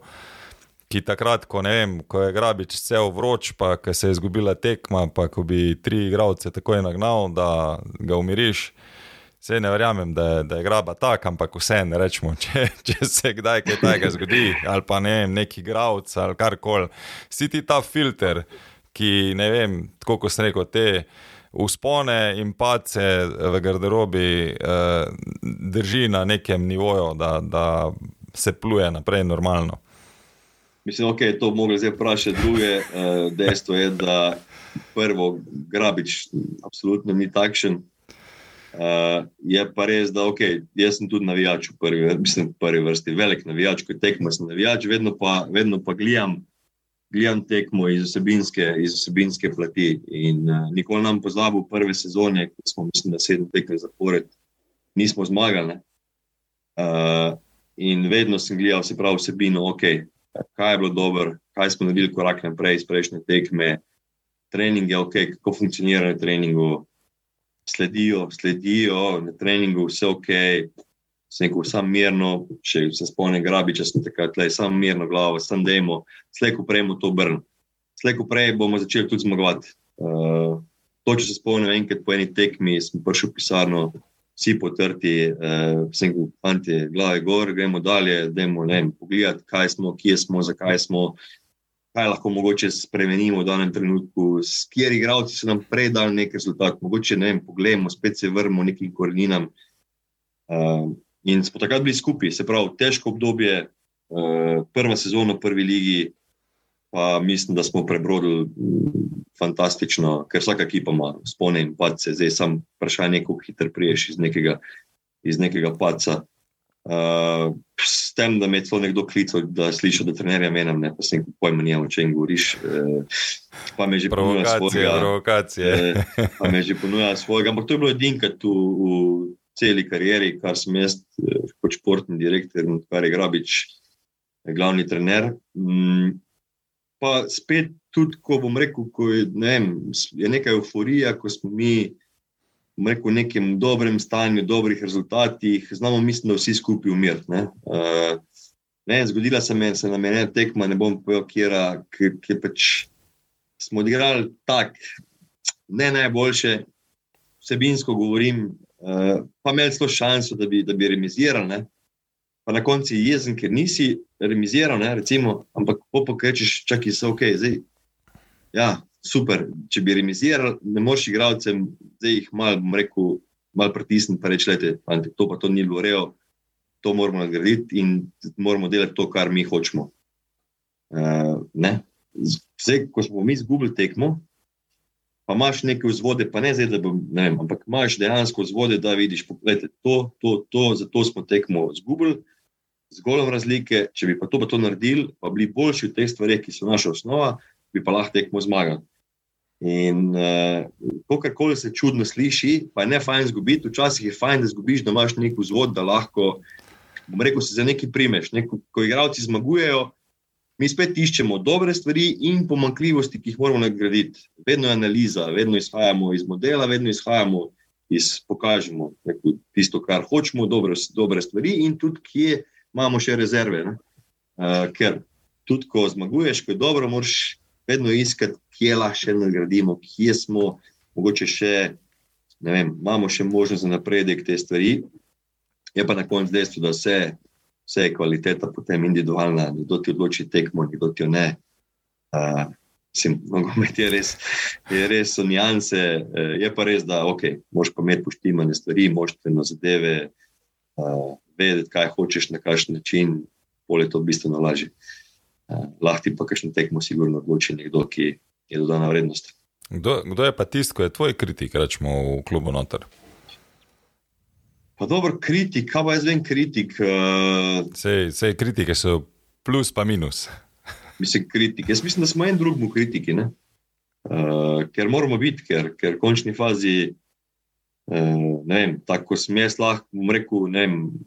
In Arnolu, in vsem, pa Grabiču, rekel, in pozitivni, in negativni kritik, če imam prave, pa, pa rekel, konstruktivne argumente, ne? ne da kar odvihamo, da je vse slabo, pa ne povem, kaj je to slabo ali pa kaj ni v redu. Moš povedati, je, mislim, sebinsko, kaj ni ok, ne? da kar klobasaš, kaj ni v redu. Uh, tako so oni moji, mislim, tako so oni meni kritiki, ne? ker tudi jaz, marsikaj sem zgrešil, marsikaj sem mogoče včasih narobe naredil, trudim se, da sem pošten, v prvi vrsti, da sem odkrit. Uh, jaz tudi vsem povem, vse, tudi ko se karkoli dogaja, uh, in z igravci, in z, in z agenti. Nijamo, nijamo mi skrivalnice klubu, ker jaz ocenjujem, da čisti odnosi, uh, da vsi vse vejo, tudi da vejo, koliko je očkodnina za, za igravca bila, v kakšnih zadevah sem se pogovarjal, pogajal. Normalno je, da jaz to ne povem v neki začetni zadevi, ker to ne namenoma lagre ven, nekdo nekomu pove, ker misli, da mu zaupa, um pove sosedu ali pa, ali pa ženi, pa je to že prehiter ven. No. Uh, potem pa vse, jaz povem vse, jaz čist nič skrivam, ker jaz mislim, da bolj ko, bolj, ko si odkrit, bolj ko so karte čiste, uh, lažje delaš, uh, bolj, si, bolj si produktiven in večje zaupanje imaš. Pa ne pomeni to, da vsi gledamo enako. A ti meniš, da bi lahko športni direktor biti tudi med trenersko izobrazbo? Absolutno. Absolutno. Uh, Brez tega jaz mislim, da ne moreš biti športni direktor. Zakaj? To je moje mnenje. Mislim, zakaj? Kak, kak je ta argument zdaj, ta glavni? Zelo preprost argument, lahko si ti dober menedžer, lahko dobro menedžeriraš stvari. Uh, dejstvo pa je, da ne poznaš vsebine v, do takšne mere, koliko bi mogel poznati. Če nisi šel čez neke zadeve, če nisi naredil nekih trenerskih izobrazb, ne razumeš nogometa, ne vem, kako se ti s trenerjem pogovarjajo o sebini. Uh, on obvlada stvari, je mojster v tem delu, ali pa ne vem, dober trener, ti pa nimaš pojma, kaj se dogaja na igrišču. On ti nekaj stvari razlaga, ti ne veš, kaj ti razlaga, kaj hoče. Ne, ne vem, kako ga boš ti ocenjeval. Mislim, uh, kaj je zdaj merilo njegovega dela, kako boš ti ocenil, kaj je zdaj, je on dober trener ali slab trener. Miš, da, ja, imamo tu, miš, da imamo polo v Sloveniji malo mal mi problema s tem, ker, kar jaz vem, ni veliko uh, športnih direktorjev, ki imajo to izobrazbo.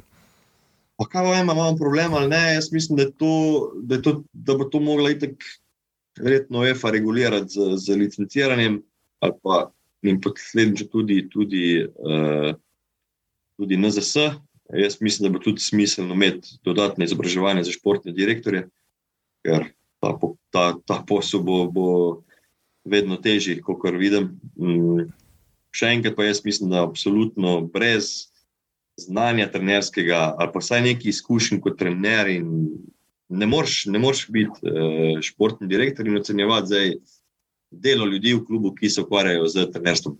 Meni je tudi zaradi tega prehiter prihaja do določenih menjav na pozicijah trenerjev. Mi, mi kar tako imamo trend, da zamenjamo vsaj desetkrat eh, trenerjev v prvi ligi. Se, izpadeta samo dva, ne? ali pa večinoma en, ker se ta druga liga vseeno malo borba pa imamo mogoče malo prednost. Zdaj bomo videli, kaj se bo letos zgodilo. No? Lani sta bila dva ven, pa dva noter. Ne, uh, ne lažem, lani je samo en, zato ker je eden, pre, ja. pre, predlani je bilo dva, dva ven, pa dva pred noter. Lani ne. pa pred predlani. Ja, tako da bomo videli, kaj, kaj bo letos, no, ampak vseeno uh, je, po mojem, tudi malo preveč teh uh, samih menjav, pa vsega tega. A je zdaj uh, bravo, že kljub temu, vse, da je m, verjetno najmlajši klub uh, v, v tem trenutku, zagotovo v prvi ligi, uh, že nared, da začne razmišljati tudi o Evropi. Cilji morajo biti, postavljati moraš više cilje, ker drugače naenkrat nima več smisla, ker pol nisi tekmovalen. Uh, normalno je, da si moraš postavljati realne cilje, pravi, primerljive cilje in moraš vedeti, znati oceniti, kaj so realni cilji pred vsako sezono. Mi smo vedeli v tej sezoni, da smo lahko kandidat za Evropo, da lahko prsmrdimo blizu, če bomo pač speljali sezono tako, kot smo jo v končni fazi. Jaz mislim, da je odlična sezona za nami. Dejstvo je, da če ne bi nam uspeli dobiti nekoga še, ki bi mogoče dal kakšen gol več, ne? ker kakšen gol igralec da bi bili še bližje, ampak tudi s temi, ki so bili, jaz sem zadovoljen, bil zelo in ni nekaj, ki je komorkoli karkoli učitati. Je pa vedno težko, ker, uh, tako sem prej povedal, mi imamo cilj biti samo zadosten, seveda, ko nekdo je nared, pa prije ponudba za višji nivo, mi to hitro, pa z veseljem uh, realiziramo. V končni fazi smo mi izgubili od lanske sezone šest prvotimcev, ne? Ki so bili nosilci igre. In marsikdo nas je pred sezono, ne vem, kdo, kjer, kjer je medij naredil neko lestvico, pa število točk, kje bo kdo. Ne? In uh, smo mi in Koper absolutno presegli pričakovanja nekih, nekih napovedi pred sezono. Uh, ampak smo verjeli, zato ker smo pač nadomestili te fante z, z novimi, z takimi tipi, ki so, ki so sodili v, naš, uh, v naše razmišljanje, naš model igre. Je pa res, da so fanti delovali celo sezono na, na maksimalnih obratih, na limitih in, in, uh, in sem vesel in še enkrat jim čestitam in kapo dol. Zelo veliko je odvisno, ali bomo mi šli v tej smeri, kaj bo s poletnim prestopnim rokom. Ni skrivnost, želimo si dodati dva do tri igralce z dodano vrednostjo. Eh, ki bi prinesli neke, neke stvari, in da obdržimo jedro, govorim 90% ekipe, kar zaenkrat kaže, da bo temu tako. Uh, potem je to, mislim, absolutno tudi, tudi možno, in moramo imeti nekoč cilj, da pa, bomo rekel, resno, resno posežemo tudi, tudi po Evropi, seveda pa ne, da zgubimo glavo in da začnemo zapravljati in razmetavati z denarjem, ki ga ni, uh, ki ga je težko zaslužiti, kar tudi ni garancija. Ne? Če je zdaj, ne vem, nekdo prije pa reče, milijon imaš za, za okrepitve, ampak moraš biti v Evropi. Ni, ni garancije. Mislim, uh, ker je enostavno včasih boljši iti po neki poti, po, po pravi razvojni poti, pa včasih malo gasa dati, pa mogoče dve, tri pravi odločitve, ali pa se ti malo posreči. Pa, Pa se čuti zdaj to s temi vsako leto malo bolj, da se dobiva na samozavesti, pa na tem, da si prepričan v to, da sodiš sem, da si zaslužiš biti tu in še mogoče nekaj zraven. Se ti je zdelo, da ta, ne vem, na začetku. Da, da, ni, eh, da, da je preveč spoštovanja mogoče do nasprotnikov, sploh s tistimi, ki že so osvajali prvenstva, pa pokale, pa igrali Evropo. Pa ne bi rekel. Mislim, da nismo imeli prav nobenega spoštovanja do nobenega kluba, da največji piki so nam bili, največji klubi v Sloveniji. V e, končni fazi smo tudi marsikega trenerja e, zamenjali, bom rekel, čist ne, ne direktno, ampak po, po nekih naših zmagah si začeli nekaj odvijati, ampak to je bila pač neka pika, ne, nekaj, smo ga mi zamenjali, kako koli. Uh, mislim, da smo bili kar dovolj samozavestni, vedno. Mm, dejstvo je, da pa če je bila prva sezona neka krstna, ko ti paš teren, ne veš, ne, kako bo izgledalo, da potem narediš neke dobre kadrovske zadeve v zimskem prestopnem roku in z lahkoto obstaneš v ligi. Da je bila druga sezona mogoče najtežja. Mm, uh, da je bila ta neka, bom rekel, spet pre, korak naprej.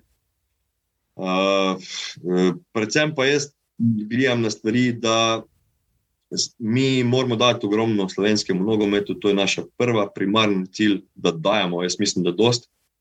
Uh, ker v končni fazi je 90% igralcev slovenskih, da smo najmlajša ekipa v Ligi, da smo bili ne, 11, uh, najmlajša v ne vem koliko ligah v Evropi.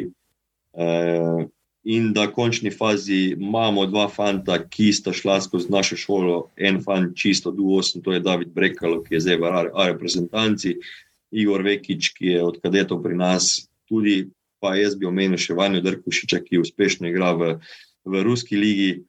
Ki bo verjetno tudi malo potrkal na vrata reprezentance, in tukaj so še neki fanti, ki so tujini. Uh, to je meni tisto zadovoljstvo. No? Ko vidim, da pa, pač smo nekaj vseeno naredili, pa, pa da te fantje uh, in tudi do, dobivamo do okolja potrditve, ker, ker eh, se mi zdi, da moje mnenje je, da je preveč tujcev v slovenski ligi. Absolutno in mislim, da bi zveza mogla razmišljati tudi o nekih, bom rekel, ne regulativah za tujce, ampak da nagrajuješ tiste, ki imajo dejansko bolj slovenske ekipe ali pa, ali pa v v čim večjem številu slovenske ekipe, pa spet nič nimam proti nobenemu, tudi mi moramo včasih pogledati preko meje, ker enostavno ne dobimo igralca, ki bi si ga želeli, domačega fanta. Ampak eh, ne vem, procentualno je preveč tujcev v slovenski ligi. To je, to je moje mnenje. Okay. Um, mi dva počasi bomo tekmo odigrali, tako da bi pa šel, na, bi šel naprej, uh, eno drugo uh, zadevo. Se pravi, mi dva lahko, glede na to, da se poznamo, lahko hiter se zaplezamo, pa smo predolga. Um, ob vsem tem, kar smo se zdaj pogovarjali, da so nekje tvoje domene, od uh, mladinske šole do članov, do komunikacije, do novih igravci, vsega tega. Znotraj tega imate v klubu en velik projekt, ki zelo prehaja v junijo, ne? to bo uh, ta festival nogometa vašega v Ljubljani. Boš ga kaj napovedal? ja, ja, naš tradicionalni turnir Ljubljana Open. Tako da uh, pridite pogledat, kako izgleda, kakšne imate letoske ekipe. Pa lušne ekipe, lušne ekipe. Uh, imamo štiri slovenske ekipe, se pravi uh, Maribor, Olimpija, mi in, in Mura. Imamo Dinamo, uh, imamo Rijeko, imamo Udineze in mislim, da Avstrija, Duna. Uh, ja, ne, uh, Avstrija, čakaj. Neč hudega, bomo pobrskali malo. Aha, cel, Avstrija, Avstrija, mislim, Avstrija celovca, ja, tako. Okay. Um, zdaj, uh, letos traja, koliko dni? Tri? Ne, en ne. dan. A en dan imate. A niste imeli, prej ste imeli pa več dnevnega? Ne? Ja, to je, bil, to je bil nek naš orang za logaj, takrat smo se, smo se lotili tega. Mislim, da že, če se ne motim, drugo, drugo sezono, ali tretjo, tretjo, ne točno, mislim, da, da kar drugo že. Ko je Darko Klarič rekel, da mi pa en turnir naredili za U12. In takrat smo orang projekt naredili in, se, in imeli trodnevni turnir, skratka, to je bilo v prvi vrsti finančni zalogaj, neverjeten, in, in organizacijski zalogaj. In vladne, mi smo bili po sezoni, pol še to mrtvi. Mislim, to je bilo uh, ne, res neverjetno. In v nekem trenutku smo pač jaz rekel, da ne vidim več smisla v takšni organizaciji, trodnevni turnir. Uh, ker uh, izplen, izplen v končni fazi ni bil uh, velik, pa ne govorimo o finančnem, ampak o nekih drugih stvareh. In smo enostavno šli na enodnevni turnir. Uh, je pa res, da sem se kar dosto umaknil iz tega turnira, ker enostavno ne zmorem več. Še vedno Ampak še, še, zdaj, še vedno imaš oko gor, ne, da veš, kaj. Še vedno sem kontakt, da povabim ekipe, da sem jaz tisti prvi, ki, ki eh, komuniciram z klubi, da, da jih povabim, da pridejo, potem pa prepustim uh, mojim super sodelavcem, ki to vladajo. In sem popolnoma mirni in popolnoma zaupam, tako da v bistvu lahko brez mene komod speljejo. Ampak kdaj se začne pripravljati en tak turnir? Včasih smo začeli, ko je bil trodnevni, takoj septembra. Ko je bilo konec. Ali pa avgusta. ja, ja. Zaključilo. Ker, mislim, in, in, in, in iskati stvari, in mislim, vse živo, in ekipe. Uh, zdaj pa tako, no, nekje decembra začnemo, decembr, januar, ekipe, povabljati, pa vse ostalo zadevo.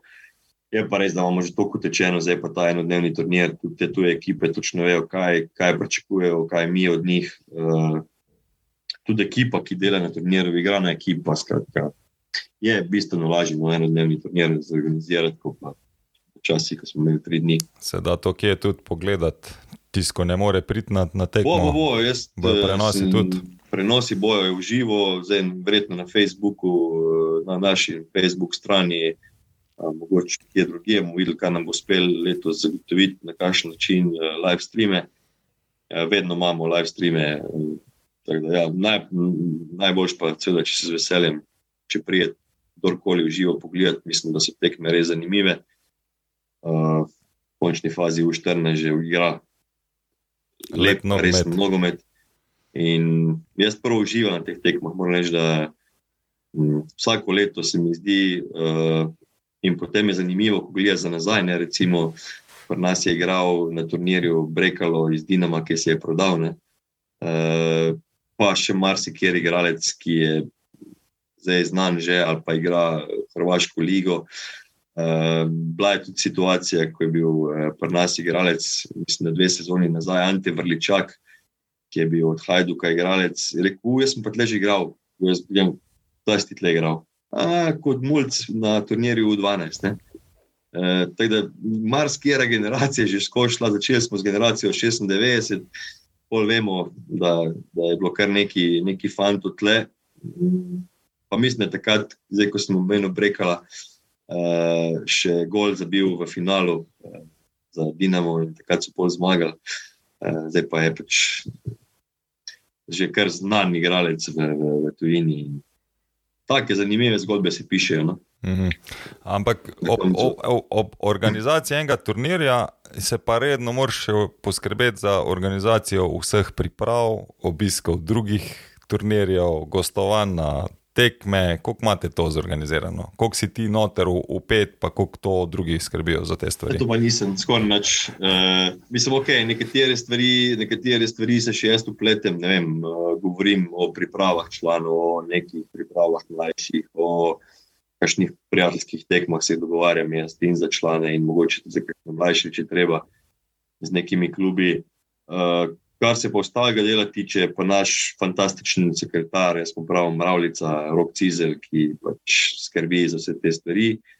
Uh, z drugimi sodelavci, trenerji, ki poskrbijo za to, ampak on je tisti glavni operativc, ki vem, poskrbi za vse, uh, zorganizira, Kar se pa tiče same organizacije, čisto operative, pri članih pa za to skrbi Jan Bošnjak kot tim menedžer. Uh, se pravi, ne, da je avtobus, da je to, kje je, kdaj mu je, kam mu je. Uh, vse te, vse te uh, bom rekel, podrobnosti in funkcioniramo, ko igra na ekipa. Ni mi pa nikoli težko, če mi kdo reče, lahko ti v klub pokličeš, lahko ti to zritaš, lahko to preveriš. To pa pač. Uh, nikoli mi ni izpod časti, pa če moram imeti vem, za U10, vprašati, če lahko igramo z Dinamom, z Šturmom, z Udinezem. To je pač, jaz gledam to kot timsko delo in hvala Bogu. Da ti še lahko, še tu zraven, malo časa ukrade, da še kaj zraven. ni, ni problem, če imam čas, veselim. Ni, ni. Okay. Uh, dej, uh, jaz bi te zdaj v teh naših podaljških vprašal, kako se vi pripravljate na spremembo teh mlajših selekcij, govorim predvsem spremembo lige. U19, samostojna, U15, 17, skupna, uh, se že kaj pogovarjate, kaj razmišljate uh, boste, uh, računate, da bojo kakšni posebni pretresi?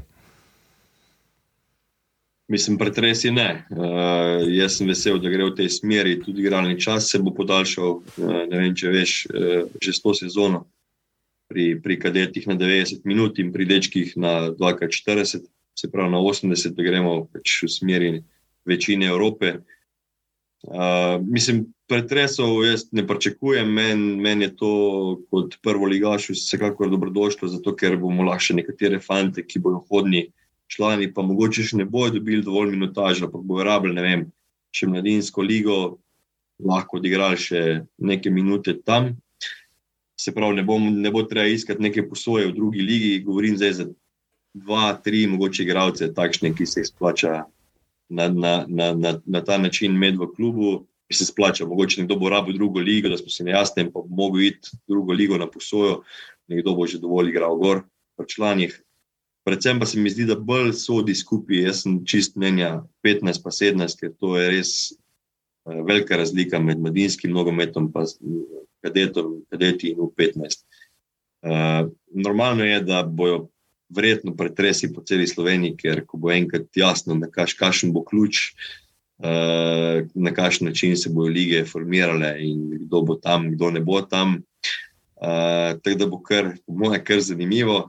Uh, ampak ja, dejstvo je, da pač, če imaš ti neki postavljene stvari, da imaš v 15 uh, postavljeno, da imaš kadete postavljene, da imaš mladince postavljene, pol ne bi smeli biti nobenih težav. Uh, bo pa še bolj tekmovalno ratala zadeva, mislim, da v prvih ligah, kako je bilo zdaj, Uh, sem pa vesel, ker sem tudi sodeloval v teh stvareh, v pogovorih, pa v nekih začetnih, da bo pa na nivoju NZS še druga liga, tako močnejša, uh, vzhod in zahod, in U15, tako da v bistvu res ne ožamo klubov, ki bodo delovali na nivoju NZS, ampak da imamo še vedno neko širino. Uh, je pa res, da vedno, pa pač čisto vsem, pa vse ni pogodu, bo pa pač čas pokazal, pa analize bo treba narediti, kaj bo to prineslo. Ampak jaz, jaz sem optimist, jaz mislim, da lahko veliko dobrega. Uh, zdaj pa. Pustimo se presenetiti. Bo, bomo videli. Uh, bomo videli, videli kako bo to na, na uno širino od spodaj. Uh, jaz sem samo izjavil enkrat, ne, zanima me, kaj bo to pomenilo, ker se bo začelo verjetno že v 13. precej selekcionirati tudi jaz sem deloval v pač teh prvoligaških klubih, pa vem, da smo vedno imeli vsaj kako sezono prej radi igralca v, v klubu, da, na, da se on privadi režima, načina, več, več količine treningov in vsega tega. Da mene malo ta del, mogoče ta baza, malo skrbi, mogoče, ampak bomo videli. Se pravi, to je verjetno spet ena zelo široka diskusija. Ste se, ja, ste ne, tudi... Če te lahko samo malo mal, dopolnim, moja ideja je bila, da bi imeli malo širšo in prvo ligo, kaj je te pol 15, se pravi, govorimo o 16 klubih, pa govorimo tudi o drugi ligi, mogoče malo širše, vsaj v nekih prvih dveh, treh sezonah, da vidiš, kam, kam prstaco moli. Uh, je pa dejstvo, da bo treba uh, spodaj, bom rekel, na nivoju MNZ združevati. MNZ je okay, meni za Ljubljana ni težava, meni za Maribor ni težava. Lige združevati, zato da bojo pač neke lige tudi solidno popolnjene, da bo številčno ok, da bo tudi neka kvaliteta postala. In je pa, po mojem mnenju, lažje bo nek klub iz MNZ napredoval v drugo slovensko ligo, U15-17, kot z mladinci, ker mislim, da največji osip je pri teh mladincih na nivoju MNZ-a v 15, v 17, pa še, se še da, bom rekel, zbrati skupaj, pa iti gor v drugo ligo in bo nek motiv mogoče za te klube, ki, so, ki delujejo na nivoju MNZ-ja. Jaz to tako gledam. No, ne smemo pa nikoli, jaz se strinjam, pozabiti na širino, na male sredine, eh, ker to ne smemo izgubiti, ker to je, to je osnova in podlaga za vse nogomet v Sloveniji. In če vem, enega izgubimo, je, ni v redu. Če en klub izgubimo, mislim, da nismo na pravi poti. No, ka, zdaj, ravno to malo v provokacijo. Ne, ko gledam, uh, mlajši dečki, mrna za celje, imamo vem, 25, ne imamo več, lažem. Imamo 30 ekip ali pa 35 starejši dečki, se pravi, imamo že dve lige, jih je še samo 20. Kadetska liga je pa sedem ekip bilo letos, rečemo, ja, v NZC-ju.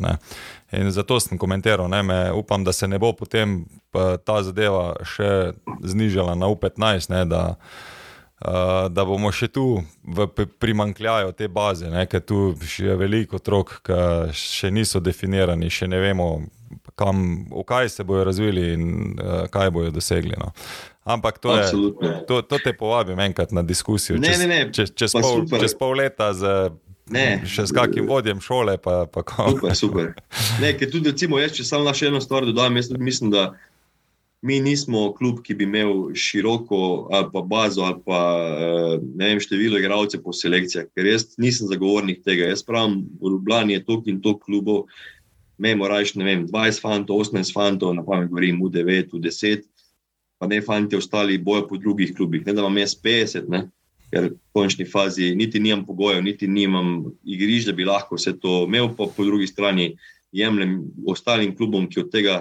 Od te baze živijo in klub živi od baze, in mogoče bo pa nekdo, dva, tri, nekje, ne vem, v cvetelki, pri meni ne bi. In tle bi mogel biti nek tudi fair play, no, da, da večji klubi niso nabiralniški, pa imajo ne kot to, to in to, igralce, no, da smo solidarni in da si pomagamo. Eh, predvsem pri teh mlajših selekcijah, no, ker, ker če ne bo. Baza, baza ne smemo izgubiti, absolutno ne. Ja, no, sej, ravno pravim, to bo, bo verjetno večna diskusija na eni strani, na drugi strani pa je vedno to. Tud, uh, vsi mi, ko če gledaš iz sebe, imamo željo biti v čim boljši sredini, čim bolj resni sredini. Ne? Kar uh, je pa spet druga zadeva, ne? da verjetno bi bilo dobro razmišljati, kako tem manjšim klubom pomagati, da bojo bolj resne sredine postale.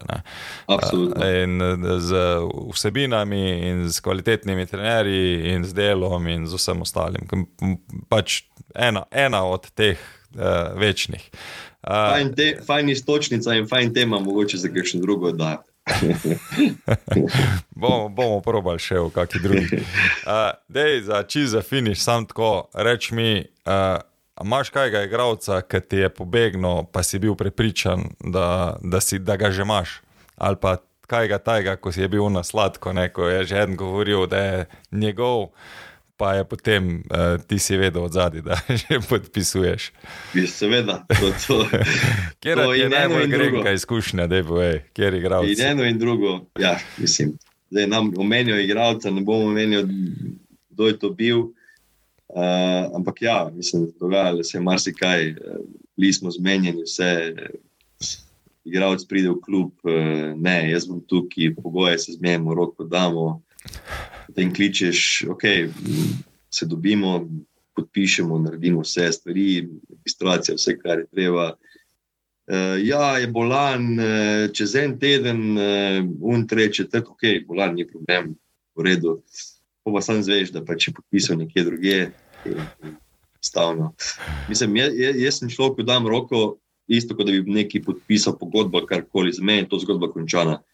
Um, žal je, ne vem, pa se hvala Bogu, ni, ni to tok tega, da um, bi lahko zdaj rekel, da se mi to non-stop dogaja. Ampak želim biti korekten, če ne vem, se jaz z nekom pogovarjam, rečeš, le, ok, ja, se pogovarjamo se zmenimo, si damo roko, za me je to končano. Če veš, da se ne bomo zmenili, reči mi, le me ne zanima, oprosti, le imam tam boljšo ponudbo, a pa ne, tam se boš počutil super, le ne zmerim, sem ne mi časa krast.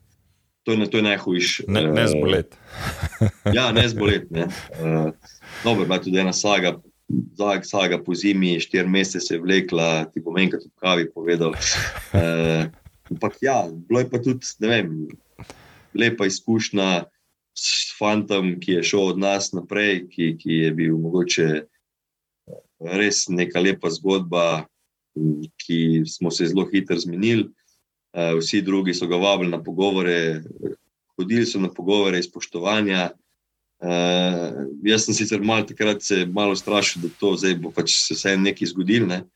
pa so mi, mi oče zagotovili, da ne skrbi, mi smo pošteni, smo dali roko, podpisali vse dokumentacijo, mi gremo spoštovanja, potem bomo vse obvestili, da, da ne. In točno tako je bilo, se pravi, labi pa šel kamorkoli, ker govorimo o fantu, ki je prišel v, v kadete in ni bilo nobenih pogodb, niti nič.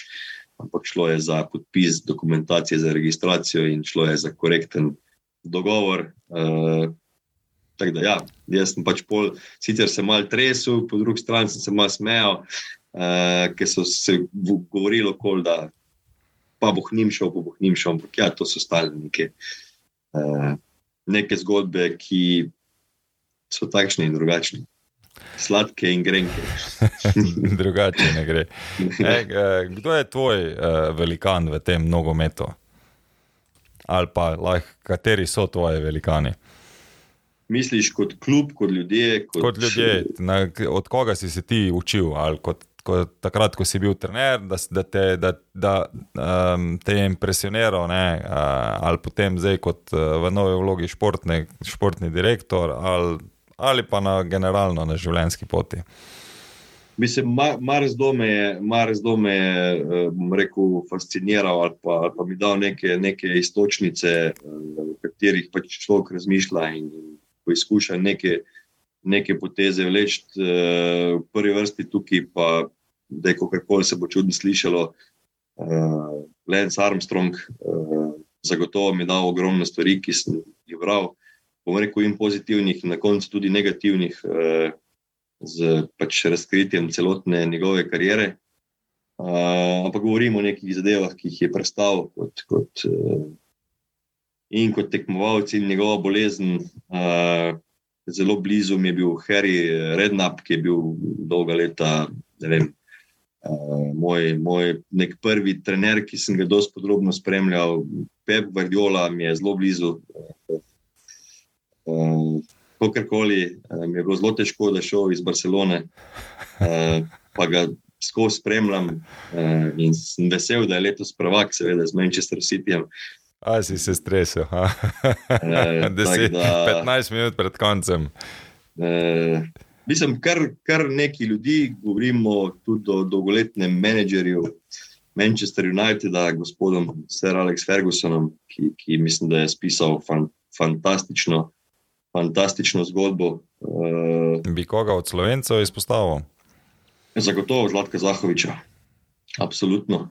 E, mislim, da sva sicer kratek čas sodelovala, mislim, bila v nekih pogovorih in nekih sodelovanjih, da pa mi je dal ogromno stvari za razmišljati, vedno, ko ima intervju. Eh, dost, do, dost stvari, ki jih pove, imajo smisel in imajo, imajo težo, in jaz ga, jaz ga cenim, absolutno, in, in ga pogrešam v slovenskem nogometu. Uh, mislim, da ga še marsikdo. Uh, Moram reči, da tudi eh, gospod Darko Milenič zelo odprt bil, ko je bil v Mariboru, ko smo, ko smo v bistvu bili nasprotniki. Uh, in da ne bi naštel, imamo fantastične odnose tudi z Duetom Kosičem in tako naprej. Um, to so ljudje, ki so mi blizu, ki, ki nimajo težav deliti neke izkušnje, znanje. Uh, verjetno pa še kakšno moram še kakšno področje raziskati neznano, mogoče za mene. Ja, lej, ved, vedno se še kdo kaj najde. Povej mi, ja, kjer jih ja. je tvojih uh, v, v tej dolgotrajni karieri, ampak vsem, gremo se osredotočiti na, na prvi, prvo moštvo, prvo ekipo tvojih najboljših enajst, ki je igralo za Bravo. Uh, uh. Za člansko ekipo govorijo. Okay. Uh, eh, tja, mislim, da bo se stavila. No, Kjer, kjer sistem igramo? no, ni, ni važno. Ne vem, kako imamo branilce. Ja, branilce bo rekel, ne, mogoče pet, mogoče štiri. Ne, zagotovo ste tukaj, David Brekalo, pa, pa Vanja Drkši, po mojem mnenju, centralna branilca, ki sta tudi v končni fazi naredila korak naprej. Kdo je na golo? Pa ja, ok, tle imamo kar veliko izbire, tle, tle, tle bo malo težje, ker imamo in Igor Revekič, imamo dom na grila, eh, imamo zdaj fante, ki prihajajo, ampak temu reči, da sta oba dva, ker v končni fazi si nekaj. Ja, rabiš dva, ne za sezono, to shate reči. Delila, tako, tako, tako. Uh, ha, zdaj pa gremo dalje. Uh, napadalci, gremo reči, čista, čista devetka. okay. Roko Baturina, pa, pa dajmo reči, na eno stran bomo postavili, če zdaj govorimo o napadalce, Mustafa Nukiča, na drugi strani recimo Milena Tučiča, pa bomo dali na desetko Martina Kramariča. Uh, po pa na vezistih, jaz bi spostavil Luka Žinka, zagotovo, uh, v končni fazi Andraža Kirma, uh, kot ki se je pač pri nas mogoče prelevil iz nekega krila v naveznega, in ne pozabljamo pač teh mladih. Desni bočni mest, rekel Žan Trontel, uh, kar koli je pri nas od 12 let. Uh, za levega bočnega imam pa že malo težav, ker dolg časa smo s, Kurtovičem uh, to, to pozicijo poizkušali, oziroma jo igral, potem pa smo ga zdaj prelevili v vezista, pa mislim, da se odlično znajde, tako da njega še ne morem postaviti v, v idealno enesterico, ampak ne vem, mogoče, mogoče ga pa bino, demo ga, ker je naš, ker je naš fan. Na levega veka. Na levega veka, recimo. Hiter si bil. Ni, ni, nimaš težav, vidim, da s tem, da imaš razčiščeno. Uh, ok, uh, povej mi še čist za na konec tisto, kar vedno vprašam. sporočilo za starše, za mlade igralce, za ostale akterje v nogometu? Pa bom zelo preprost, eh, pa mogoče ne vem, obrabljen ali pa, kup, ali pa ne.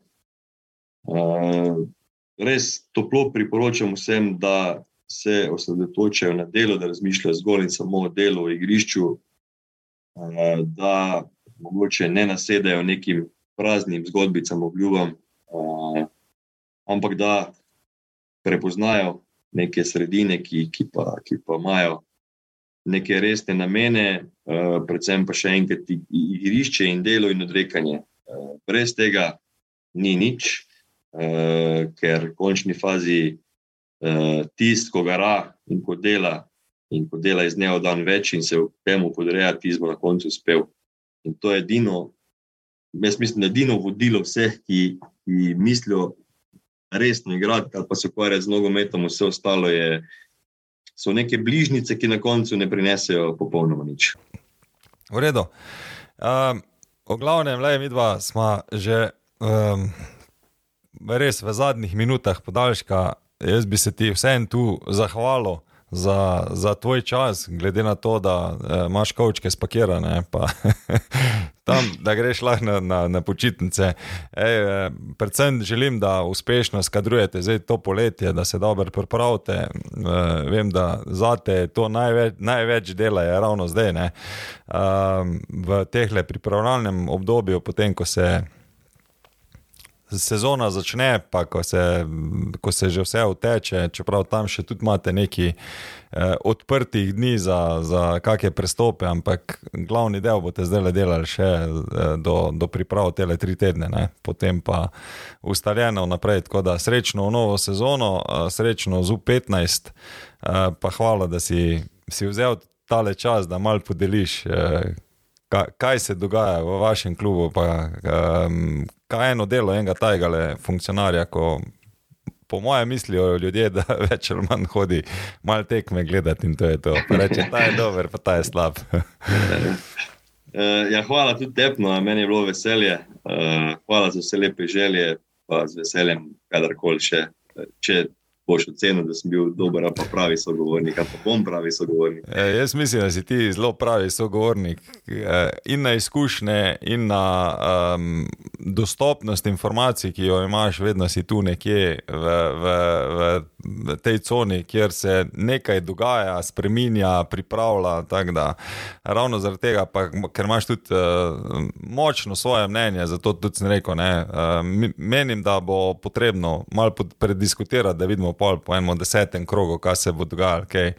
Uh, v spremembah uh, mladinskih selekcij, tudi pa kako bo to potem vplivalo uh, na, na ta naš no, članski nogomet, da damo te A reprezentante, za katere pač vsi neko si želimo, da jih imamo kvalitetno reprezentanco, ker potem lahko imamo tudi kvalitetno ligo, mislim, pa, pa kvalitetno prodajo ne, za naprej. Absolutno. E, okay. Pa pa še samo odpiskamo. Uh, odpiskali smo konec današnje epizode podcasta iz Centra Gol. Z vami sem bil Igor Fenko in celotna ekipa, ekipa oddaje iz Centra Gol, ki se vam zahvaljuje za čas, ki ga preživljate v naši družbi. Upamo, da uživate v pogovorih in spoznavate nogomet ne le v zmagah in porazih. Vabimo vas k poslušanju vseh oddaj, ki so dostopne na Spotify, Deezerju, Google Castu, Apple Podcastu, TuneIn, YouTube in še kje. Še enkrat pišite, komentirajte. Pobrz pobrskajte tudi na naši spletni strani trojni dvojni vej centra golf.com.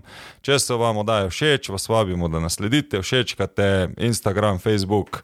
Uh, Zagotovo pa še enkrat komentirajte, sodelujte, razvijajmo debato. Tako da še enkrat hvala in se slišimo naslednji petek. Uživajte še naprej in lepo pozdrav vsem.